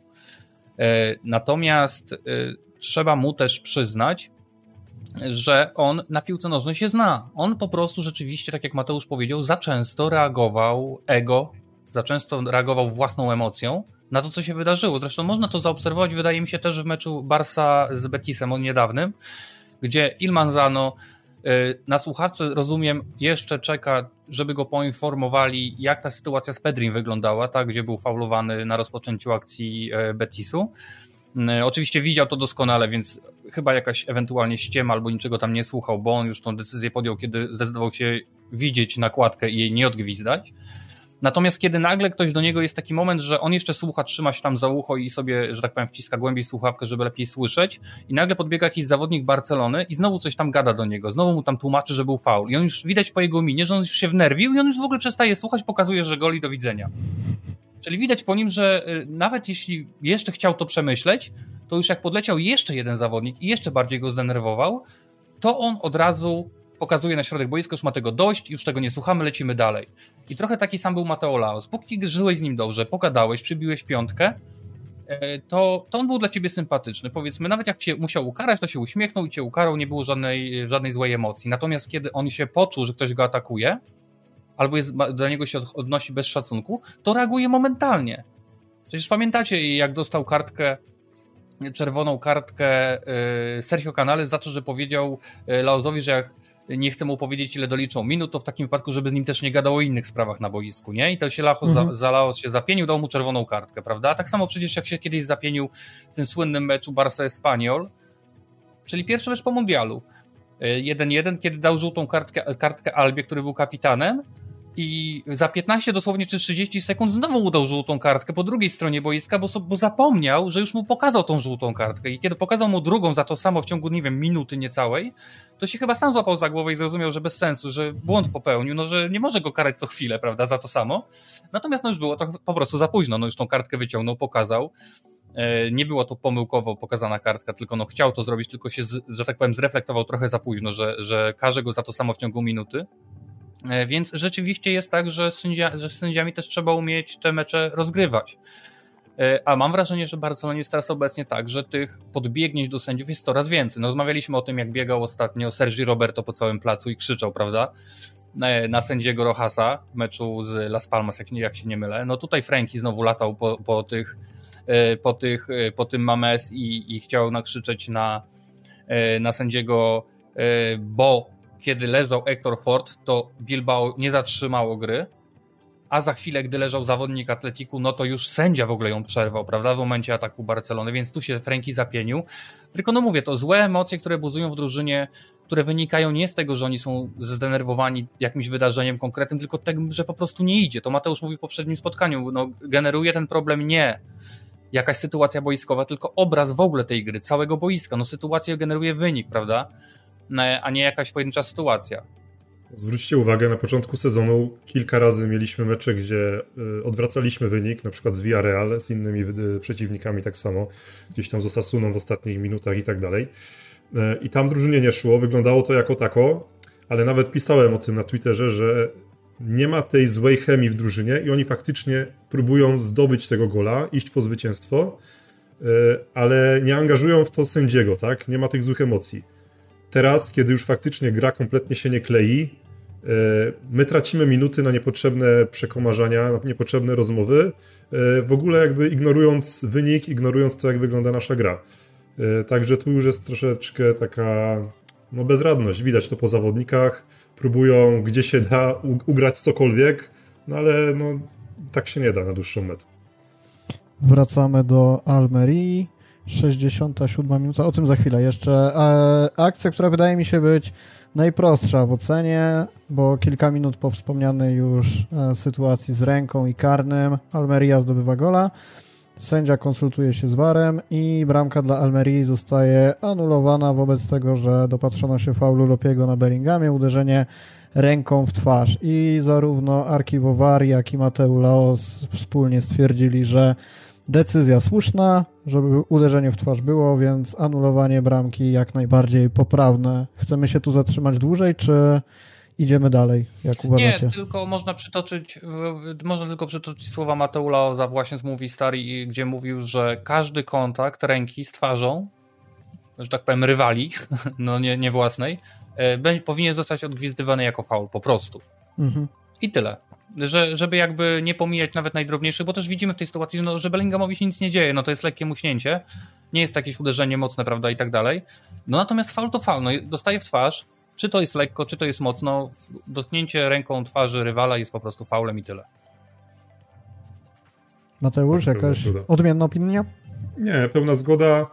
E, I też na początku tutaj tego live'a, jakby mówiąc o sytuacji z Pedrim e, w meczu gdzie był faulowany, no właśnie nawiązywałem też do tej sytuacji, tak, że sędzia tam się cofnął i odgwizdał prawidłowo e, brak tego gola, e, a tutaj niestety tego zabrakło, mimo że według mnie Pedri też był faulowany w środku mhm. boiska. Tak, ja tylko pamiętam... tam dostaje informację z VAR, pamiętajmy, bo sędzia tą akcję puszcza, prawda? To, to VAR go informuje o tym, prawda? Więc to VAR naprawia tą, tą sytuację. Okay. Pytanie, czy by ją naprawił, gdyby była w drugim kierunku, no bo po tym meczu nie możemy mieć takiej pewności. Tak, chodzi o brak konsekwencji po prostu, tak? Już y, nie angażując, czy sędziowie są za jakąś ze stron, po prostu chodzi o to, że gwizdźmy równo dla każdej ekipy, tak? Y, już tutaj, jeżeli byśmy puścili gola dla Almerii, puszczajmy też bramkę dla Betisu, nie widzę z tym problemu. Ja się jeszcze zastanawiałem, Maciek, czy nie wyjdziemy na hipokrytów omawiając tę sytuację, bo jakiś czas temu jak graliśmy z Atletico, to była taka sytuacja, kiedy Cancelo w 87 minucie dostał żółtą kartkę za uderzenie ręką Angela Correi. Tylko tamto uderzenie było w okolicach obojczyka, a nie twarzy, natomiast musiałem sobie tę sytuację przypomnieć i jeszcze raz obejrzeć końcówkę spotkania, bo nie chciałem, żeby to wybrzmiało tak, że wtedy broniliśmy Cancelo. W sytuacji, gdzie Cancelo uciekał, tak? Gdzie Cancelo tak, uciekał z piłką. chodził przed Koreę i... i... tak chciał się zablokować. No tak, ale to jest, to jest typowy, to może być też faul odgwizdany bez problemu. No to jest typowy problem zawodników, którzy są wyżsi do zawodników, którzy są niżsi. No, normalnego zawodnika o normalnym wzroście wyższego od Korei przyblokowałby na poziomie powiedzmy brzucha, splotu słonecznego i to byłoby zagranie ok. No jeżeli uderza go w okolicach szyi, a jeszcze zawodnik umie to wykorzystać, no to siłą rzeczy sędzia zawsze się, e, zawsze to odgwiżdża, no niezależnie czy to jest lekkie, mocne, no trafia go też, no szyja to jest dla mnie też głowa, no to tak samo można krzywdę zrobić, prawda, jak uderzając, nie wiem, w brodę. Panowie, 67 minuta, powiedzcie mi, używając rekwizytów, tu ręka, tu ręka, tu ręka, tu ręka, tu ręka, w którym miejscu jest ręka? Gdzie to się zaczyna? Jak to jest tą całą Copacabaną. Bramka powinna być uznana, zaliczona. No, teraz Co wy na to? Po, pokazujemy, pokazujemy bicepsy, tak, teraz. Podciągamy rękawki. E, to znaczy tak, szczerze mówiąc, ja mam wątpliwości co do tej sytuacji, ponieważ z każdej kamery to wygląda po prostu na inny, inny fragment ręki, tak? Czy tam ramienia, czy ręki, czy niektórzy mówią nawet o łokciu, no ale już nie przesadzajmy, tak? E, sędzia dostał takie powtórki, po których ja też bym zaliczył tego gola, tak naprawdę. Dostał, dostał powtórki, z których widać, że jest to ewidentnie zagranie barkiem. E, tak naprawdę tylko jedna powtórka z zabramki sugeruje, że może być inaczej. I ja cały czas mam wątpliwości. No, tak naprawdę nie wiem, które ujęcie oszukuje, która kamera pokazuje prawidłowe zagranie, te faktyczne. E, I Tutaj bym się nie określał, że to jest jednoznacznie błąd sędziego. Z boiska gwiznął bodajże tak, że to jest zagranie ręką i anulował tego gola, ale na podstawie tych urywków z waru zmienił decyzję. Według mnie zmienił po prostu na podstawie tych powtórek prawidłowo. Ale pamiętajmy też, y, jakie były teksty od wychodzące z waru, gdzie Hernandez Hernandez konkretnie wskazuje, że to jest zagranie barkiem. Mhm mimo że nie pokazuje tak naprawdę tego z wielu ujęć, tak? Jakby sugeruje sędziemu, co on ma myśleć, tak. co ma gwiznąć i ma się skupić może, nie wiem, na, y, na tym, czy Wini faulował tego zawodnika, który go krył. Kurczę, ciężko mi to wskazać. Sytuacja jest wielopoziomowa, jest dziwna. Y, dla mnie nie jest tak jednoznaczna, jak y, ta sytuacja z rzutem karnym dla Realu. Tu w ogóle, zanim Maciek jeszcze wejdziesz ze swoim zdaniem, cytując znowu archiwowar, e, pojawiła się taka opinia, że VAR w ogóle nie powinien wkraczać w tę sytuację, ponieważ sytuacja nie jest jednoznaczna. Nie ma takiego ujęcia, które mogłoby w oczywisty sposób wskazywać, że arbiter boiskowy się pomylił w pierwszej ocenie. Powinna zostać utrzymana pierwsza decyzja sędziego i przytaczając jeszcze Mateu Laoza, VAR nie powinien interweniować, powinna zostać utrzymana decyzja z boiska. Oddaję Ci głos. No i tak. I dokładnie jest tak, jak, jak mówią e, Mateu Laos czy, czy, czy, czy ktokolwiek inny, VAR został stworzony do tego, żeby e, naprawiać oczywiste błędy z boiska. Jeżeli naprawiamy oczywisty błąd, to jak rozumiem, jesteśmy w stanie wykazać ten oczywisty błąd. Tak jak Mateusz wspomniał, i wydaje mi się, że tu się zgodzimy wszyscy, nawet z kibicami Realu Madryt, nie ma takiej powtórki, gdzie można na 100% powiedzieć, na pewno zagrał ręką, na pewno z ręką nie zagrał. Po prostu takiej nie ma. Nawet z tych wszystkich powtórek, które nam pokazywano, slow motion, zbliżenia, później się pojawiały, no to nadal tak naprawdę to jest na tyle blisko wszystko, że ciężko to ocenić. No czyli jeżeli ciężko to ocenić, to znaczy, że nie jest to błąd z boiska oczywisty, który VAR w ogóle powinien naprawiać. To, ja ci wejdę, wejdę w słowo, bo wydaje mi się, że jest jedna powtórka. Problem jest taki, że dostaliśmy dwie powtórki. Na jednej wręcz ewidentnie wygląda, jakby to uderzył wręcz łokciem, a potem pojawia się druga powtórka, na której ewidentnie wygląda, jakby uderzył to barkiem. Przy czym jest to ta sama sytuacja, więc ja znaczy, przynajmniej... Jedno jest pewne. Jedno jest pewne. To jest bark. I na pewno nim nie uderzył. Mógł uderzyć No to ja z kolei... To ja z kolei, no tak, to, to jest Według ciebie to miejsce, które pokazujesz, to jest ręka? Według ciebie to miejsce, które pokazywałeś, to jest no ręka? No i to jest Według właśnie problem nie. generalnie. Według mnie to nie jest ręka. To, chodzi. To, jest, to jest właśnie ten problem, tylko widzisz, niech to nie będzie ręka, tylko niech to nie będzie zawsze ręka, bo mamy sytuację teraz, w której nam zabierają dwa punkty, no powiedzmy rzut karny, zabierają w pierwszej kolejce za zagranie tutaj, klatką tutaj, tą częścią klatki piersiowej. Po prostu. I sędzia uśmiechnięty Sotor z Grado pokazuje ręka i tu gdzieś pokazuje. O tu, że ręka. On pokazuje tu. No czyli to jest ręka według niego. No trudno, zagrał tędy. Kolejka następna. Bellingham przyjmuje tym samym miejscem piłkę. Z Majorką strzela gola zwycięskiego. Stoi gol. Mecz Atletico. Cross przyjmuje tą częścią ciała piłkę. Strzela gola. Gol utrzymany tu jest ten problem. My nawet, ja mi się wydaje, że my, jeżeli w ogóle można powiedzieć, że, no ale tak chyba można powiedzieć, że, że środowisko kibiców Barcelony, czy nawet hiszpańskie generalnie, bo tu zareagowało kilka klubów, to nie tylko, to nie tylko kibice Barcelony oczywiście, no oni są naj, najgłośniejsi na, na polskich mediach, bo po prostu jest ich dużo, tak samo jak kibiców Realu, a pozostałych brakuje zwyczajnie, no nikt z Almerii nie będzie walczył na polskim Twitterze. E, e, to widziało. Jeżeli nie ma tej konsekwencji w tych, w tych decyzjach zwyczajnie, no to jeżeli dla Barcelony ta część ciała, czy nawet część ciała jeszcze mniej kontrowersyjna jest ręką, zagraniem ręką, no to dlaczego w realu to nie jest zagranie ręką kilkukrotnie? Bo jeżeli my nie będziemy trzymać się konsekwencji, to zawsze to będzie błąd albo wał, no bo nie ma innego wyjścia.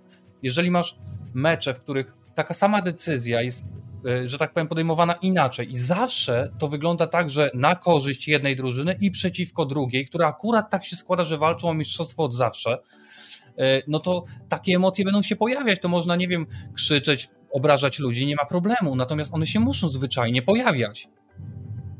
Y, takie sytuacje. Bo inaczej jeszcze. Zabierają nam bramkę za, za Ferrana Torresa, prawda? E, z Granadą na 3-2 w bramkę Feliksa, bo Ferran Torres był gdzieś tam na linii podania, nie miał do niego prawa dojść, ale był na tej linii, miał minimalny spalony. No jakoś nie było problemu, żeby akcję, którą Hoselu gra z pozycji spalonej, puścić i wygrać z Hetafe. Ja wam powiem więcej. Wiecie, jak, co jest w meczu z Hetafe za akcja, której oczywiście nigdzie nie zobaczycie, jak przypadkiem mi wpadła w ręce? Dani Carvajal przegrywa pojedynek powietrzny na narożniku pola karnego, wystawia rękę i dostaje dokładnie w to samo miejsce, co zawodnik Almerii tym meczu. Przegrywają bez żadnego kontaktu, bez żadnego jakiegoś tam przewracania się. Po prostu przegrywa walkę w powietrzu z wyższym zawodnikiem i dostaje tutaj w rękę. Pamiętacie karny jakiś Real Hetafe? To o to chodzi właśnie. To nie chodzi o to, czy decyzje są dobre, czy niedobre. Wiadomo, że sędziowie w Hiszpanii po prostu mylą się we wszystkie strony, jakie tylko dadzą radę się pomylić. I ja już nie będę tutaj budował jakiegoś napięcia o narracji albo o jakimś wskazaniu. Oni się po prostu mylą. Problem polega na tym, że na jest korzyść jednej drużyny się mylą tylko na jej korzyść, a drugi tylko na jej niekorzyść, a reszta to losuje. I tu jest problem tak naprawdę, bo jeżeli pozbieramy te błędy warowe, bo ja wiem, że Real Madrid nagra sobie teraz y, film, gdzie znajdzie 18 błędów, które nazwie warowymi, gdzie nawet, nie wiem, 3 czwarte nie podlegają pod interwencję war. Niech będzie. Bo w innych meczach to nie, sędzia się nie myli, tylko same dobre decyzje, tylko, tylko jak Real gra, to same pomyłki. No okej. Okay. E, I, e, no i jak my mamy oceniać tę sytuację? Jak mamy oceniać ligę, którą przegrywamy, nawet mimo tego, że jesteśmy beznadziejni, gdzie nam się po prostu zabiera te mecze. Ja wiem, że to są, nie można liczyć na sędziów w meczach, jasne, tylko te sędziowie w końcówkach meczów zabierają na zwycięstwo z Rajo. No kopnięcie od dołu i to jest, zobacz, i teraz kopnięcie Rafini stopę w końcówce spotkania nie jest rzutem karnym, ale jak kopnięto Araujo w stopę od tyłu w polu karnym, to z Hetafe to już był rzut karny, tylko tam akurat była ręka, która już nie była ręką w meczu Realu Madryt, prawda? No, my do tego wszystko sprowadzamy, że te wszystkie mecze tak naprawdę, jakby rzucić do jednego wora, to każda decyzja jest inna, każda interpretacja jest inna. Jedyna pewna jest taka interpretacja, że Barcelona na niej straci. No tak wygląda ten sezon. To się może podobać lub nie podobać, ale taki jest fakt. I teraz są oczywiście też drużyny. Zostawmy jeszcze jedną rzecz, jedną rzecz powiem tylko. No. Pamiętacie tę sytuację, e, którą też e, głośno żyli w Madrycie, e, gdzie już teraz nie pamiętam, który zawodnik zatrzymuje się przed Sebajosem i, go, i jakby plecami go blokuje. Ludzie, no. Oni tak. mówią, ja słyszę gdzieś tam z Madrytu, mnie oznaczają na Xie, żebym to skomentował, co o tym myślę. Ludzie, kochani, nam takie rzeczy robią sędziowie w meczach. Pamiętacie mecz, jak, jak Gundogana tak sędzia zatrzymał? Tak samo, mało tego, y, przed chwilą Javi Guerra wyleciał z boiska w meczu z Hetafe Valencia, bo go sędzia tak samo zatrzymał przecież w ten sposób, takim blokiem, tylko że Javi Guerra się odezwał. Na tyle był zdenerwowany, że jeszcze zarobił czerwoną kartkę za tą sytuację. To teraz My, chwila na... większe problemy z sędziowie niż rywale czasami, no. Chwila na rzeczy z czatu, bo mamy kilka rzeczy. Jeszcze jedną rzecz dopowiem szybciutko no, a propos, śmiało, a potem a propos tych kadrów z Waru. Nie wiem, czy oglądaliście wczorajszy mecz Atletico. Ostatnia sytuacja w meczu, Barrios fauluje w polu karnym Lamele. Znaczy fauluje. Mhm. Nie y, fauluje. Początkowo, nie fauluje. Początkowo, początkowo sędzia gwiznął faul, ale został wezwany do waru. Y, I ten war pokazał mu takie powtórki, z których nie szło jednoznacznie ocenić, czy ten Lamela był faulowany, czy nie. Powtórka, która była pokazywana od tyłu, sugerowała, że to Barrios jako pierwszy trafił piłkę i na podstawie tej powtórki sędzia anulował rzut karny. A jak się później okazało, Lamela był pierwszy przy piłce i został skasowany po prostu w tym polu karnym i Sevilla została okradziona z rzutu karnego i być może też z awansu do półfinału. I to jeszcze, zwróćmy uwagę na jeszcze inną rzecz, to nam, to nam chyba tłumaczono na meczu z Granadą. E, Faul Cancelo. Zwróćmy uwagę, że przecież to Barrios wbiega w tor biegu Lameli, a nie odwrotnie. E, bo u nas było odwrotnie, że to Cancelo biegł z piłką, a ktoś mu się wbił przed niego i on go tam przewrócił. I sędzia tłumaczył, że to Cancelo był w twoim torze biegu, e, a obrońca wskoczył przed niego w ostatniej chwili i po prostu dostał kopa, no bo ktoś prowadzi piłkę, więc jakby nie może być tutaj faulu. A tu jest odwrotnie, no biegnie rzeczywiście ten Lamela. Bariusz atakuje go z boku, wymuskuje mu tą piłkę jakoś tam przewracając go przy okazji, no ale fakt pozostaje faktem, że to jakby jest wejście od tyłu e, na zawodnika, który idzie z piłką po prostu przed siebie, nie kombinuje, nie ma przyruchów, no i zostaje z tego, z tego biegu wytrącony. No to jest oczywiście, tak jak mówi Mateusz, to powinien być według mnie też rzut karny. I to jest, to jest, to jest dosłownie, to jest niszczenie drużyną sezonu być może. Bo taka Sevilla no nie ma na nic szansy. Ona może zawalczyć tak, jak walczyła w zeszłym roku na przykład, że była beznadziejna, nagle, w, nagle Puchar UEFA Bank wpadł. Y, bo, Pamiętajcie, bo że to nie jest walka tylko o Puchar Króla, tylko też o Super Puchar Hiszpanii. I o pieniądze to są, chociażby. To są ogromne pieniądze, tak. Wiecie, no na, ko na, koniec dnia też o sam prestiż i o fan zgrania w piłkę, także to, to już może Dobra, okay, no na dalszy plan i jest mniej wymierny, ale, ale ciągle. No zobacz, Barca, Barca teraz być może przez to, że odpadła z e, Bilbao nie zagra prawdopodobnie w Superpucharze Króla, Zoba e, Superpucharze Hiszpanii. No zobaczymy jak się ta liga potoczy jeszcze na to drugie miejsce na pewno jest szansa. Mi na tym pucharze nie zależy, ale w przegranym teraz Superpucharze Barca zarobiła 7,3 miliona euro. No to czy my jesteśmy, czy my sobie możemy pozwolić na to, żeby tych pieniędzy za rok nie mieć? Bo mi się nie wydaje. Polecimy dwa razy do Stanów tym razem. Więc właśnie o to chodzi. Będziemy znowu latali po jakiś klub Amerykach, prawda, w grudniu. Bo przegraliśmy, rozumiesz, z Szachtarem w Hamburgu. I potrzebujemy tego milion dwieście. Z Antwerpią bodajże też. Z Antwerpią też, ale to chyba po Szachtarze już zadecydowali, że trzeba polecieć. No nie wiem. Padło na czacie moje ulubione pomakale, czyli że płaczemy o kontrowersje sędziowskie i obłędne decyzje w momencie, kiedy opłacaliśmy sędziów przez 17 lat. Ale I... żeby było dobrze, wiesz to, tylko ja jedną rzecz, żeby to było dobrze zrozumiane. To, są, to jest, powiedzmy, niech to będzie płacz o decyzji sędziów, ale ten prawdziwy płacz lament jest o, o konsekwencje w decyzji sędziów. Bo kiedy my nie wiemy, nie jesteśmy w stanie oszacować, poza oczywiście kibicami, kibicami Realu Madryt, którzy są 100% przekonani, że zawsze jak sędzia gwizdże na ich korzyść, to, jest, to, to, się, to mówi prawdę, a jak na niekorzyść, to się pomylił, to cała reszta kibiców zdaje sobie sprawę, że sędziowie mylą się w wiele stron, Natomiast chodzi tu o konsekwencje, nawet przy tych pomyłkach. Wiesz, bo rozumiem konsekwencje przy dobrych decyzjach, że się powtarzają, ale tu też trzeba mieć konsekwencje w tych pomyłkach. No jeżeli nie możesz ten sam sędzia popełniać błędu, kiedy tydzień wcześniej dla niego to nie był błąd. No, on, oni sędziują nawet z dnia na dzień inaczej. I tu jest ten pies pogrzebany i się będziemy tego czepiać, bo wychodzi jak wychodzi, że to jest na naszą niekorzyść w tym momencie i można to otwarcie mówić. Co ma znaczy wspólnego mnie, jakiś mnie... Negreira, coś co było 7 lat temu, 10 czy 15. Co się dzieje dzisiaj? To my do końca życia mają nas teraz oszukiwać na e, interpretacji, bo ktoś tam kiedyś jest niezadowolony. Zresztą nawet jedną rzecz tylko powiem jeszcze, przepraszam, ostatnio. Spoko. Dwóch sędziów Superpucharu to są sędziowie, którzy w Barcelonie zabrali 6 punktów w tym sezonie. Czyli y, to byli sędziowie, którzy zabrali y, Hetafe karny, Rayo karny, być może dwa i tą bramkę Granady.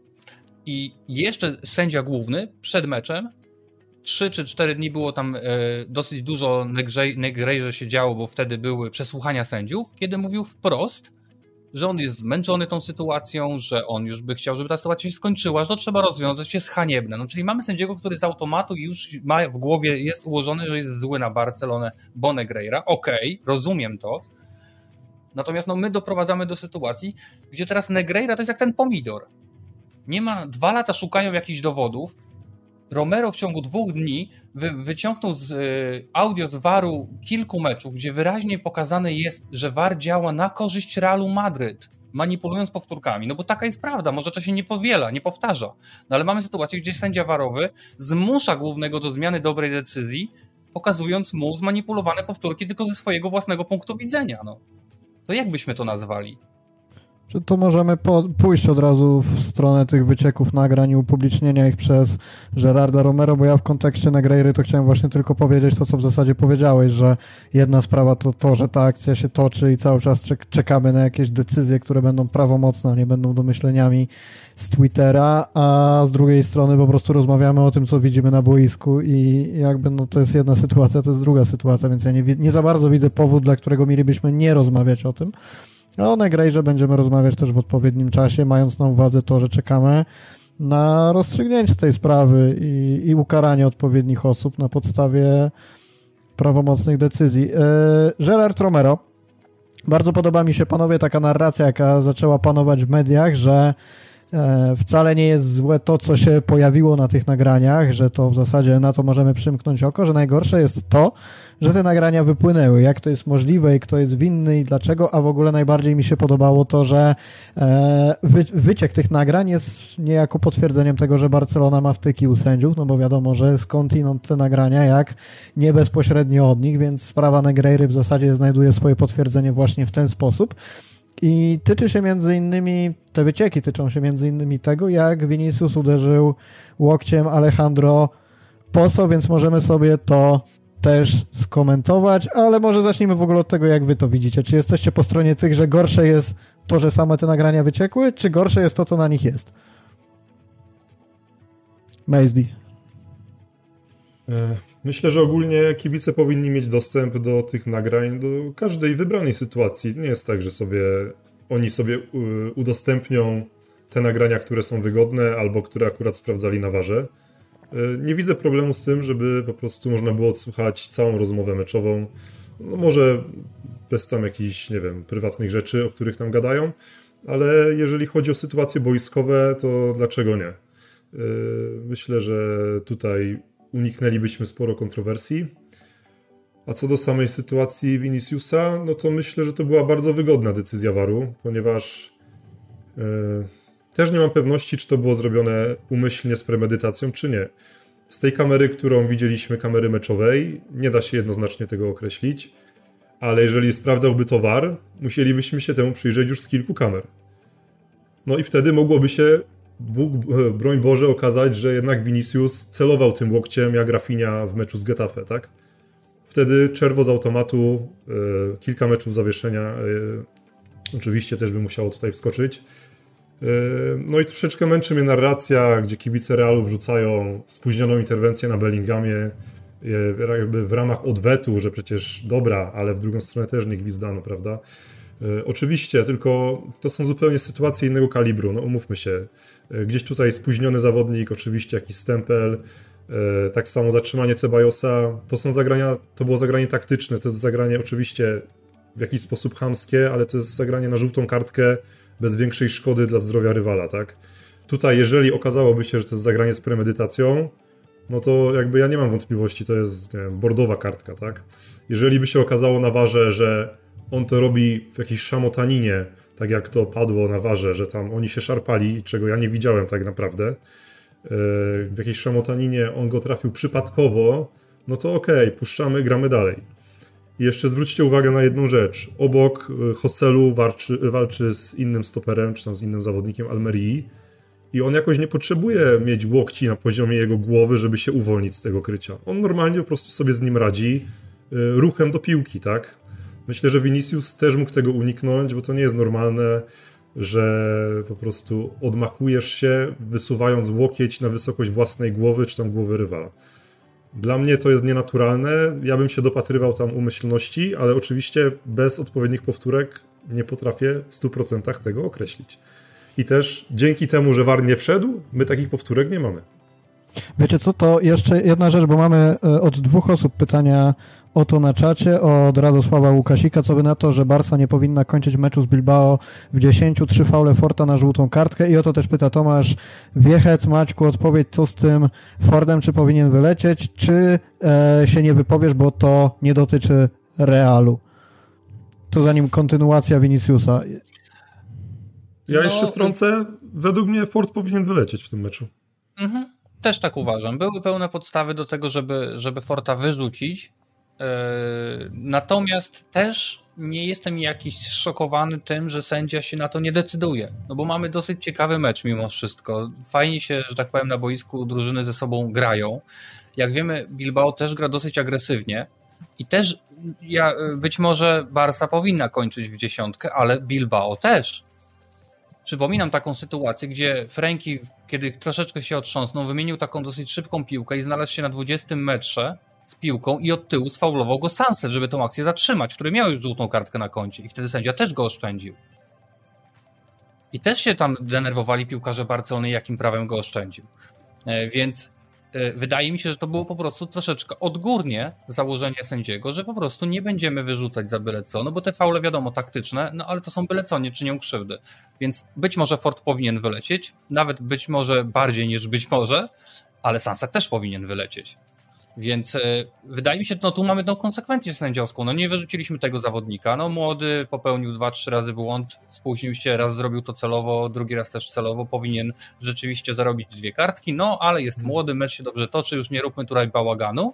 Okej. Okay. I tą samą wykładnię zastosował przy faulu Sunseta. Więc mamy tu właśnie konsekwencję To jest troszeczkę jak w klasyku e, Realu z Atletico w Pucharze Króla. Że w ogóle ja nie tej pisali, nie poszła, prawda? A nie tak, ta kartka praktycznie przez Gdzie czas. powinien wylecieć De Paul, powinien wylecieć według mnie Carvajal, jeżeli trzymamy się takich samych standardów. No i powinien wylecieć w ogóle Depay, tak? E, żadna czerwona kartka nie została pokazana. Więc Ale Depay jakby... to się tam strasznie zameldował Bellinghamowi, jeżeli myślimy o tej samej sytuacji. Ale tak, też tak, była, ale właśnie, i to jest dobre uzupełnienie do tego, o czym ja też mówiłem, o tych decyzjach sędziowskich pod kątem niewyrzucania zawodników, żeby właśnie nie stworzyć jakiejś atmosfery zaostrzenia, podwój- jakichś większych nerwów. E, I też wyciek, przecież wyszło nagranie VAR e, e, z meczu Real Atletico, gdzie sędziowie nie są pewni, czy De Paul ma żółtą kartkę i rozmawiają ze sobą, czy on ma żółtą kartkę, czy on nie ma żółtej kartki. I, i oni sami nie są pewni. Ja się założę, że za ten stempel, za który rzeczywiście się słusznie domagali drugiej żółtej kartki kibice Realu, a tej kartki nie było, zresztą właśnie na Carvajalu, chyba z tego dobrze co pamiętam, e, to e, Depol zobaczyłby tą kartkę prawdopodobnie, gdyby sędziowie od razu sobie ustalili między sobą, że nie ma żadnej na koncie. Oni nie chcieli go wyrzucić z boiska po prostu na tym etapie meczu. E, więc to pokazuje um, tylko, że oni tym to meczem było przy remisie, tak? Bodajże. Przy remisie tak, to jeszcze to było. albo zaraz po rozpoczęciu dogrywki, albo zaraz przed końcem jeszcze regulaminowego czasu. Tam jakiś taki był taki dosyć brzydki stempel i rzeczywiście zasługiwał na drugą żółtą, czyli czerwoną w, w rezultacie. Natomiast rzeczywiście sędziowie nie byli pewni, czy już żółtej kartki nie ma, więc postanowi, postanowił sędzia Quadra Fernandez z boiska jej nie pokazywać. Właśnie po to, żeby nie, nie, prawdopodobnie po to, żeby nie stworzyć jakiegoś zamieszania na koniec i nie zaostrzyć tego meczu i nie zepsuć tego meczu zwyczajnie. No jest to jakiś zabieg generalnie, jeśli, wiesz, jeśli się nie dzieje, nie dzieje krzywda, jeśli piłkarze się nie biją, nie przepychają, nie drą się na sędziego, to tak naprawdę te wszystkie faule taktyczne, rzeczywiście, jeśli je uczciwie pomijasz, jeżeli chodzi o kartki, no to i, i te faule się dzieją z obu stron, to ja nie widzę w tym nic złego generalnie. Jeżeli jest konsekwencja w tych decyzjach między, dla obu drużyn, tak, tak samo, że tak powiem, traktowanie wojskowe całkiem niskie mamy wymagania, jeżeli chodzi o sędziowanie, że może nie do końca musi być dobrze, ale jak przynajmniej konsekwentnie, to i tak się będzie tak, dobrze, no to... Wiesz, ale to nie ma dobrych sędziów, wiesz, idąc tym tropem nie ma dobrych sędziów nigdzie na świecie. Każdy popełnia błąd, mniejszy, większy, raz na jakiś czas. Problem polega na tym, że jeśli każdy popełnia go inaczej i w innego dnia, to wtedy rodzą się problemy, nasze wieczne przepychanki w internetach i tak dalej, i tak dalej. Gdyby wszyscy mylili się tak samo, to pewnie by tych, e, tyle tych, tych przepychanek nie było. Ale oni dostali kapitalne narzędzie, aby uniknąć tych błędów i nie umieją z niego skorzystać. Nie potrafią z niego korzystać i później są jakieś głupie, idiotyczne głosy, że ten war jest generalnie niepotrzebny i było lepiej bez waru. To jest też jakiś absurd, tak. Nie wiem, czy Tomasz jest przekonany Twoją odpowiedzią, ale wróćmy sobie jeszcze do Winiego na chwilę. Eee... A, bo ja się nie wypowiedziałem co do tego łokcia jeszcze. Tak, ale słuchaj, bo od razu ci dorzucę, dorzucę ci, dorzucę wam jeszcze jedną rzecz, która mi się przypomniała którą też na pewno pamiętacie. Czerwona kartka za e, faul Leo Messiego na Via Libre w finale Superpucharu Hiszpanii. On, nie wiem czy się ze mną zgodzicie, ale do pewnego stopnia można doszukiwać się podobnych zagrań przy e, reakcji, przy walce o piłkę Winiego i przy walce o piłkę przez Messiego. Znaczy, trudno to nazwać walką o piłkę, skoro piłka jest kilkanaście metrów dalej, no ale generalnie samo zagranie być może nie bardzo zbliżone, ale gdzieś tam te podobieństwa są. Tam czerwona kartka była, więc to może tak dla podsycenia twojej wypowiedzi, Maciek, i, i też odniesienia się do tego, jak ty to widzisz, czy, czy jakichś znaczy powiązań można nie, nie, się doszukiwać tamta, w ogóle. Mhm. Nie, tamta sytuacja była kompletnie inna, bo tamta była sytuacja wyglądała tak, że Via Libre faulował i w Messi wnerwiony, który jest, który też, ja sobie przypominam ten mecz, to był mecz, który sędziował oczywiście Hilman Sano, jak zwykle. Tak tak, tak, tak. E, to był mecz, gdzie Hilman Sano miesiąc wcześniej sędziował mecz Bilbao Real Madrid na Mames i wyrzucił chyba Garcia w ciągu 10 minut dwoma żółtymi kartkami i e, rozdał ich tam wtedy jakieś masakryczne ilości tych kartek i dochodzi do finału Superpucharu e, Hiszpanii, gdzie Barcelona gra z Bilbao, które gra ostro i faul od pierwszej minuty i żadne kartki się nie pojawiają dla dla Bilbao. Wszystkie leciały na Barcelonę za e, protestowanie tego, że nie pojawiają się kartki dla Bilbao. I tam Messi po prostu już rozzłoszczony tym całym dniem, że tak powiem, tym, że też przecież wtedy straciliśmy to prowadzenie w samej końcówce przecież i tak dalej, i tak dalej. I zresztą zaraz po przecież po, po rozpoczęciu dogrywki wtedy Griezmann e, czy nie pochrzaniłem czegoś? Jaki Griezmann? Nie Griezmann, tylko chyba Iñaki Williams taką ładną bramkę w okienko strzelił i te, trzeba było ten mecz gonić e, do, od samej początku dogrywki. No i tam wyszły nerwy Messiego po prostu. Via Libre chciał go sfaulować, on się wnerwił, walnął go, że tak powiem, tam w tył, nie wiem, głowy, pleców, jakoś tam na niego wpadł. Czerwona kartka według mnie jak najbardziej wtedy zasłużona. Tutaj mamy inną sytuację, tu nie ma żadnej walki, tu nikt nikogo nie fauluje, nie ma żadnej y, nerwowej sytuacji, tak naprawdę. Y, I No tak jak Mateusz mówi, nie jesteśmy w stanie stwierdzić z tych powtórek, że Vinicius chce uderzyć pozo. No ciężko byłoby to stwierdzić. Ja też rozumiem, że kiedy zawodnicy się trzymają i jeden, drugi, jeden chce się od drugiego uwolnić, to często ta, ta ręka idzie wyżej, nad głowę jest prowadzona, tak żeby się jakoś oswobodzić. No ciężko jest się oswobodzić dołem, z reguły się do góry wyciąga. No i rzeczywiście, jeśli na dole się trzymali, no to takie zamachnięcie się tą ręką tylko po to, żeby właśnie ominąć głowę zawodnika i pobiec dalej, minąć go, że tak powiem, tą ręką, e, e, jest możliwe i może skutkować takim uderzeniem. Natomiast dla mnie to jest uderzenie celowe. Dla mnie to jest uderzenie celowe, że Viniciusa denerwuje sam fakt tego, że ten zawodnik go trzyma i e, może nie ma takiego uderzenia per se, czyli łup łokietek, tylko jest to wyciągnięcie tego łokcia w konkretnym celu. To znaczy, jeśli się rywal nadzieje, to trudno. Ja grałem w koszykówkę i tak mniej więcej się zbierało piłki kiedyś w ligach amatorskich w Warszawie w latach 90., że jak zbierałeś piłkę, to robiłeś tak. I jak ktoś chciał się do tej piłki dostać, to się pierwsze co robi, to się nadziewa, nadziewał twarzą na łokieć. I sędziowie też na to często nie reagowali, no bo ty robiłeś tak, a że ktoś się na ciebie rzucił, to trudno, nie? A że łokieć miałeś wyciągnięty, to się nadział. No i dla mnie to jest trochę taka, i to jest dla mnie trochę taka sytuacja, w której e, Vinicius jest świadom tego, że może uderzyć łokciem w twarz zawodnika e, Almerii, wykonuje przyruch, który do tego może doprowadzić, ten przyruch do tego doprowadza, sędzia na to nie reaguje, no bo tak jak Mateusz mówi, no to jest niewygodna sytuacja, bo bardzo ciężko z tego wyciągnąć czerwoną kartkę według mnie. Musiałbyś naprawdę zobaczyć złość na twarzy, cokolwiek. No musiał mieć idealną powtórkę, żeby to coś takiego wyłapać, intencję w takiej sytuacji. No dlatego sędzia to prawdopodobnie pomija. No już wiemy, jaki jest sędzia na tym warze w tym meczu. No wydaje mi się, że nawet jakby uderzenie było celowe, to by, to by tego to by nie zgłosił. No i tyle, i lecimy dalej. No, jest to po prostu zwykła wojskowa jakaś tam brutalność. Zamierzona, niezamierzona, już trudno, nie, nie rozstrzygniemy tego. No, natomiast znając Można... osobę, która wykonuje ten przyruch, prawda, znając jej historię... Możemy wierzyć w to, że było celowo. No, słuchaj, no ja bierę... No niestety, no taką ma otoczkę wyrobioną wokół siebie. No, no na bazie doświadczeń. No, coś jak z Suarezem, tak. Coś no jak dokładnie, z Suarezem. Coś, odpalił, to, to ja w to wierzyłem, że on odpalił. Bo od, po prostu odpala. No tak samo jak Vinicius wiem, że odpala takie rzeczy. No to wierzę w to, że prędzej coś takiego mu się odpaliło. Jeszcze wtedy, kiedy ten wynik jest niepewny, nie ma tego zwycięstwa, jemu wcale super nie idzie. E, zwłaszcza, że no, e, zachwycamy się Viniciusem, a wiemy, że w tym sezonie to Ferran Torres go prawda, bije, jeżeli chodzi o Kanadyjkę. I, e, I rzeczywiście być może taka frustracja z niego w tym momencie wyszła, natomiast no mówię, stwierdzić tego nie jesteśmy w stanie w 100%. Możemy stwierdzić, że na pewno raz użył łokcia w tym meczu. Tak, to, to, ja tak, to, to jest ja prawda. Uważam, ja osobiście nie uważam, każdy sobie to wytnie jak chce i wrzuci w kontekst jaki chce. Znaczy, ja uważam, że, że, że bramka zdobyta barko rękomieniem e, jest celowo zagrana ręką. To znaczy z pełną świadomością tego, że uderzy w rękę, przyruch całego ciała, żeby ją tylko pokierować w jakkolwiek sposób. A jak, co sądzicie o tym, że o trajektorii i mocy uderzenia tej piłki? W sensie, no dla mnie, do mnie jakoś generalnie przemawia dosyć ten argument w kontekście właśnie, tego właśnie, to, jak ta piłka nie. idzie. Bo jeżeli by to był taki bark stąd, to według mnie się powinna w miarę prosto odbić to znaczy leciałaby bardziej w bramkarza. A to, że ona jest odbita właśnie tutaj, po nierównej, że tak powiem, e, części ręki, krawędzie i tak dalej, nie z twardego ramienia, że celujesz okay. nią. A ja mam wrażenie, że właśnie z twardego ramienia musiałby dzięki, zrobić... dzięki temu tak leci. Że gdyby no, się odbiła w okolicy ramienia czy bicepsa, to taką sobie nie poleciało. Między, mhm, ale on się przepycha między dwoma obrońcami i robi ten przyruch przecież do piłki robi go i to robi go pod kątem, więc trafia go tak tutaj ta piłka. Ja zakładam, że ona jest gdzieś tutaj. No dobra, ale grałeś w piłkę, jak...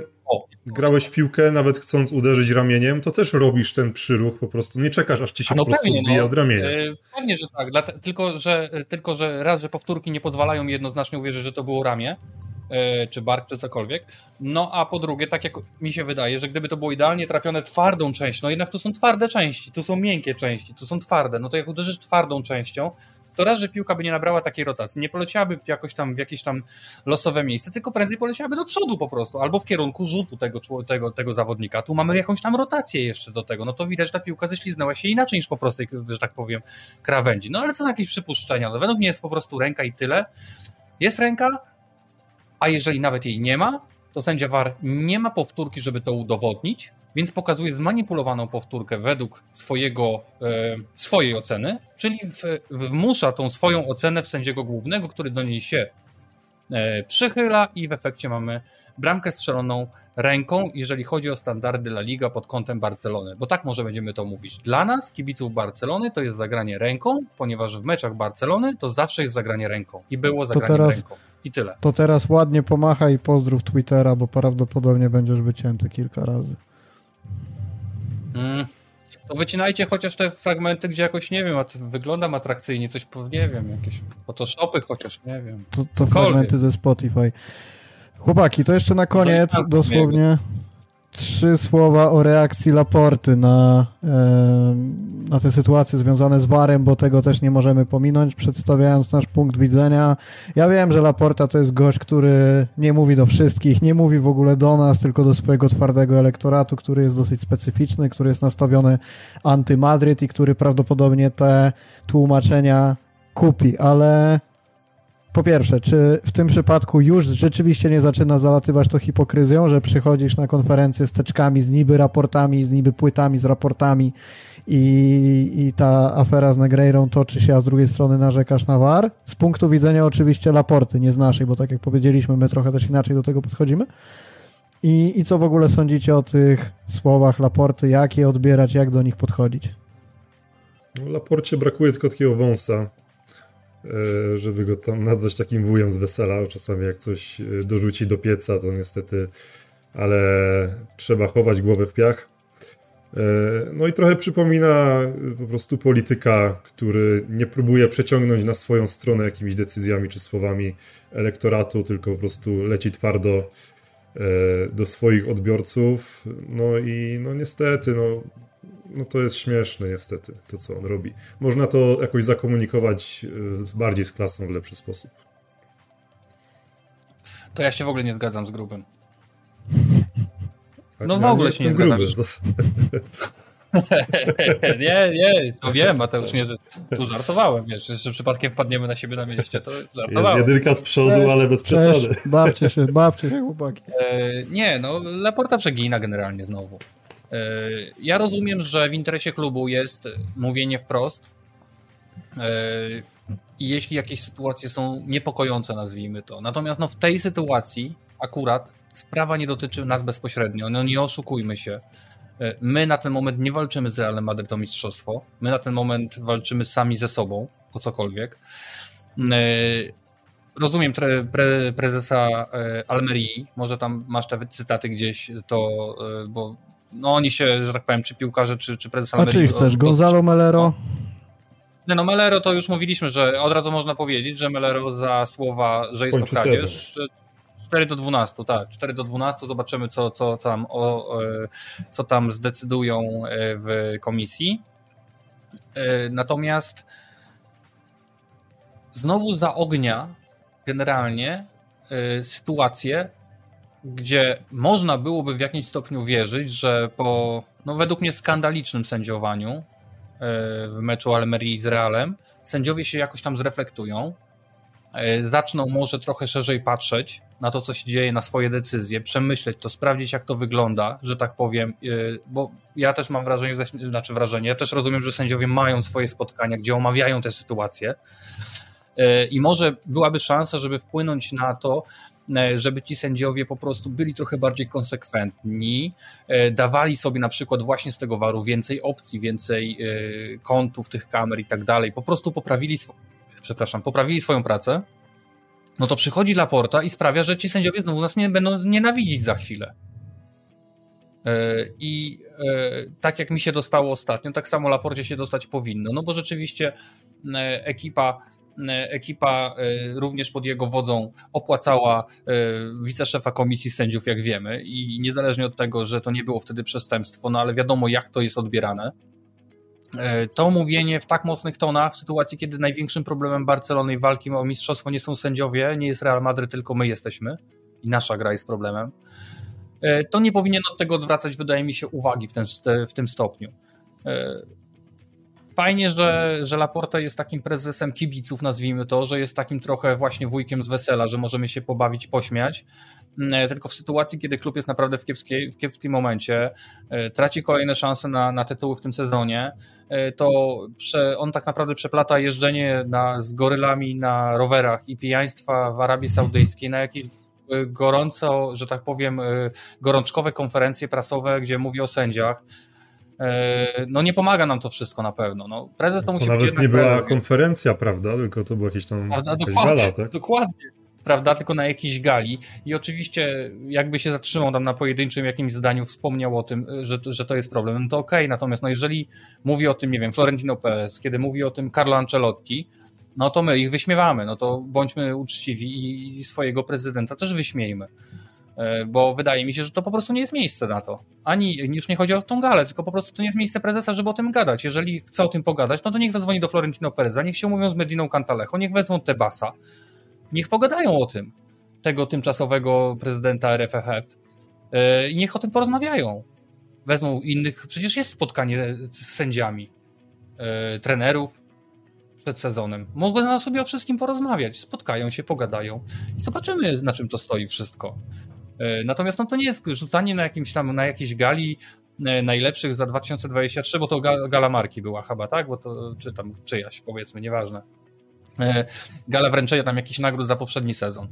I on wyjeżdża właśnie o sędziowaniu. No kurde, no żeby chociaż to było w naszym meczu, nie?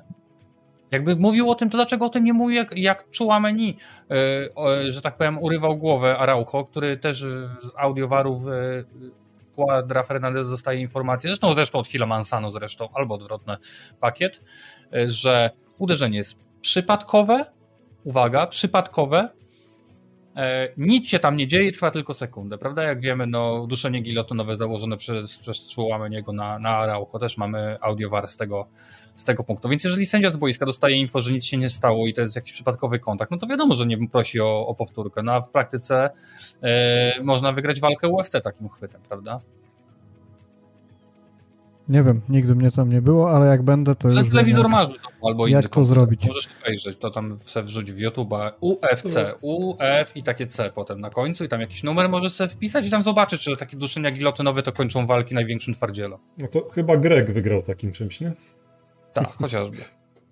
To już chyba zabrnęliśmy poza moje uniwersum. Panowie, Jesteśmy nadal na Twitterze przyznać.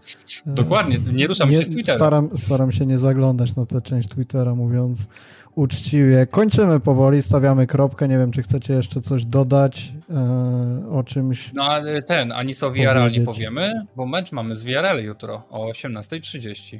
To możesz powiedzieć dwa słowa. Mogę powiedzieć, VRL jest w bardzo słabej formie. E, na razie zmiana Marcelino nie przyniosła żadnych efektów, no może jakieś miniaturowe. Wrócił Sorlot, czyli ten nieudolniak który prawda, ledwo sobie radzi w tym VRL, jak wiemy.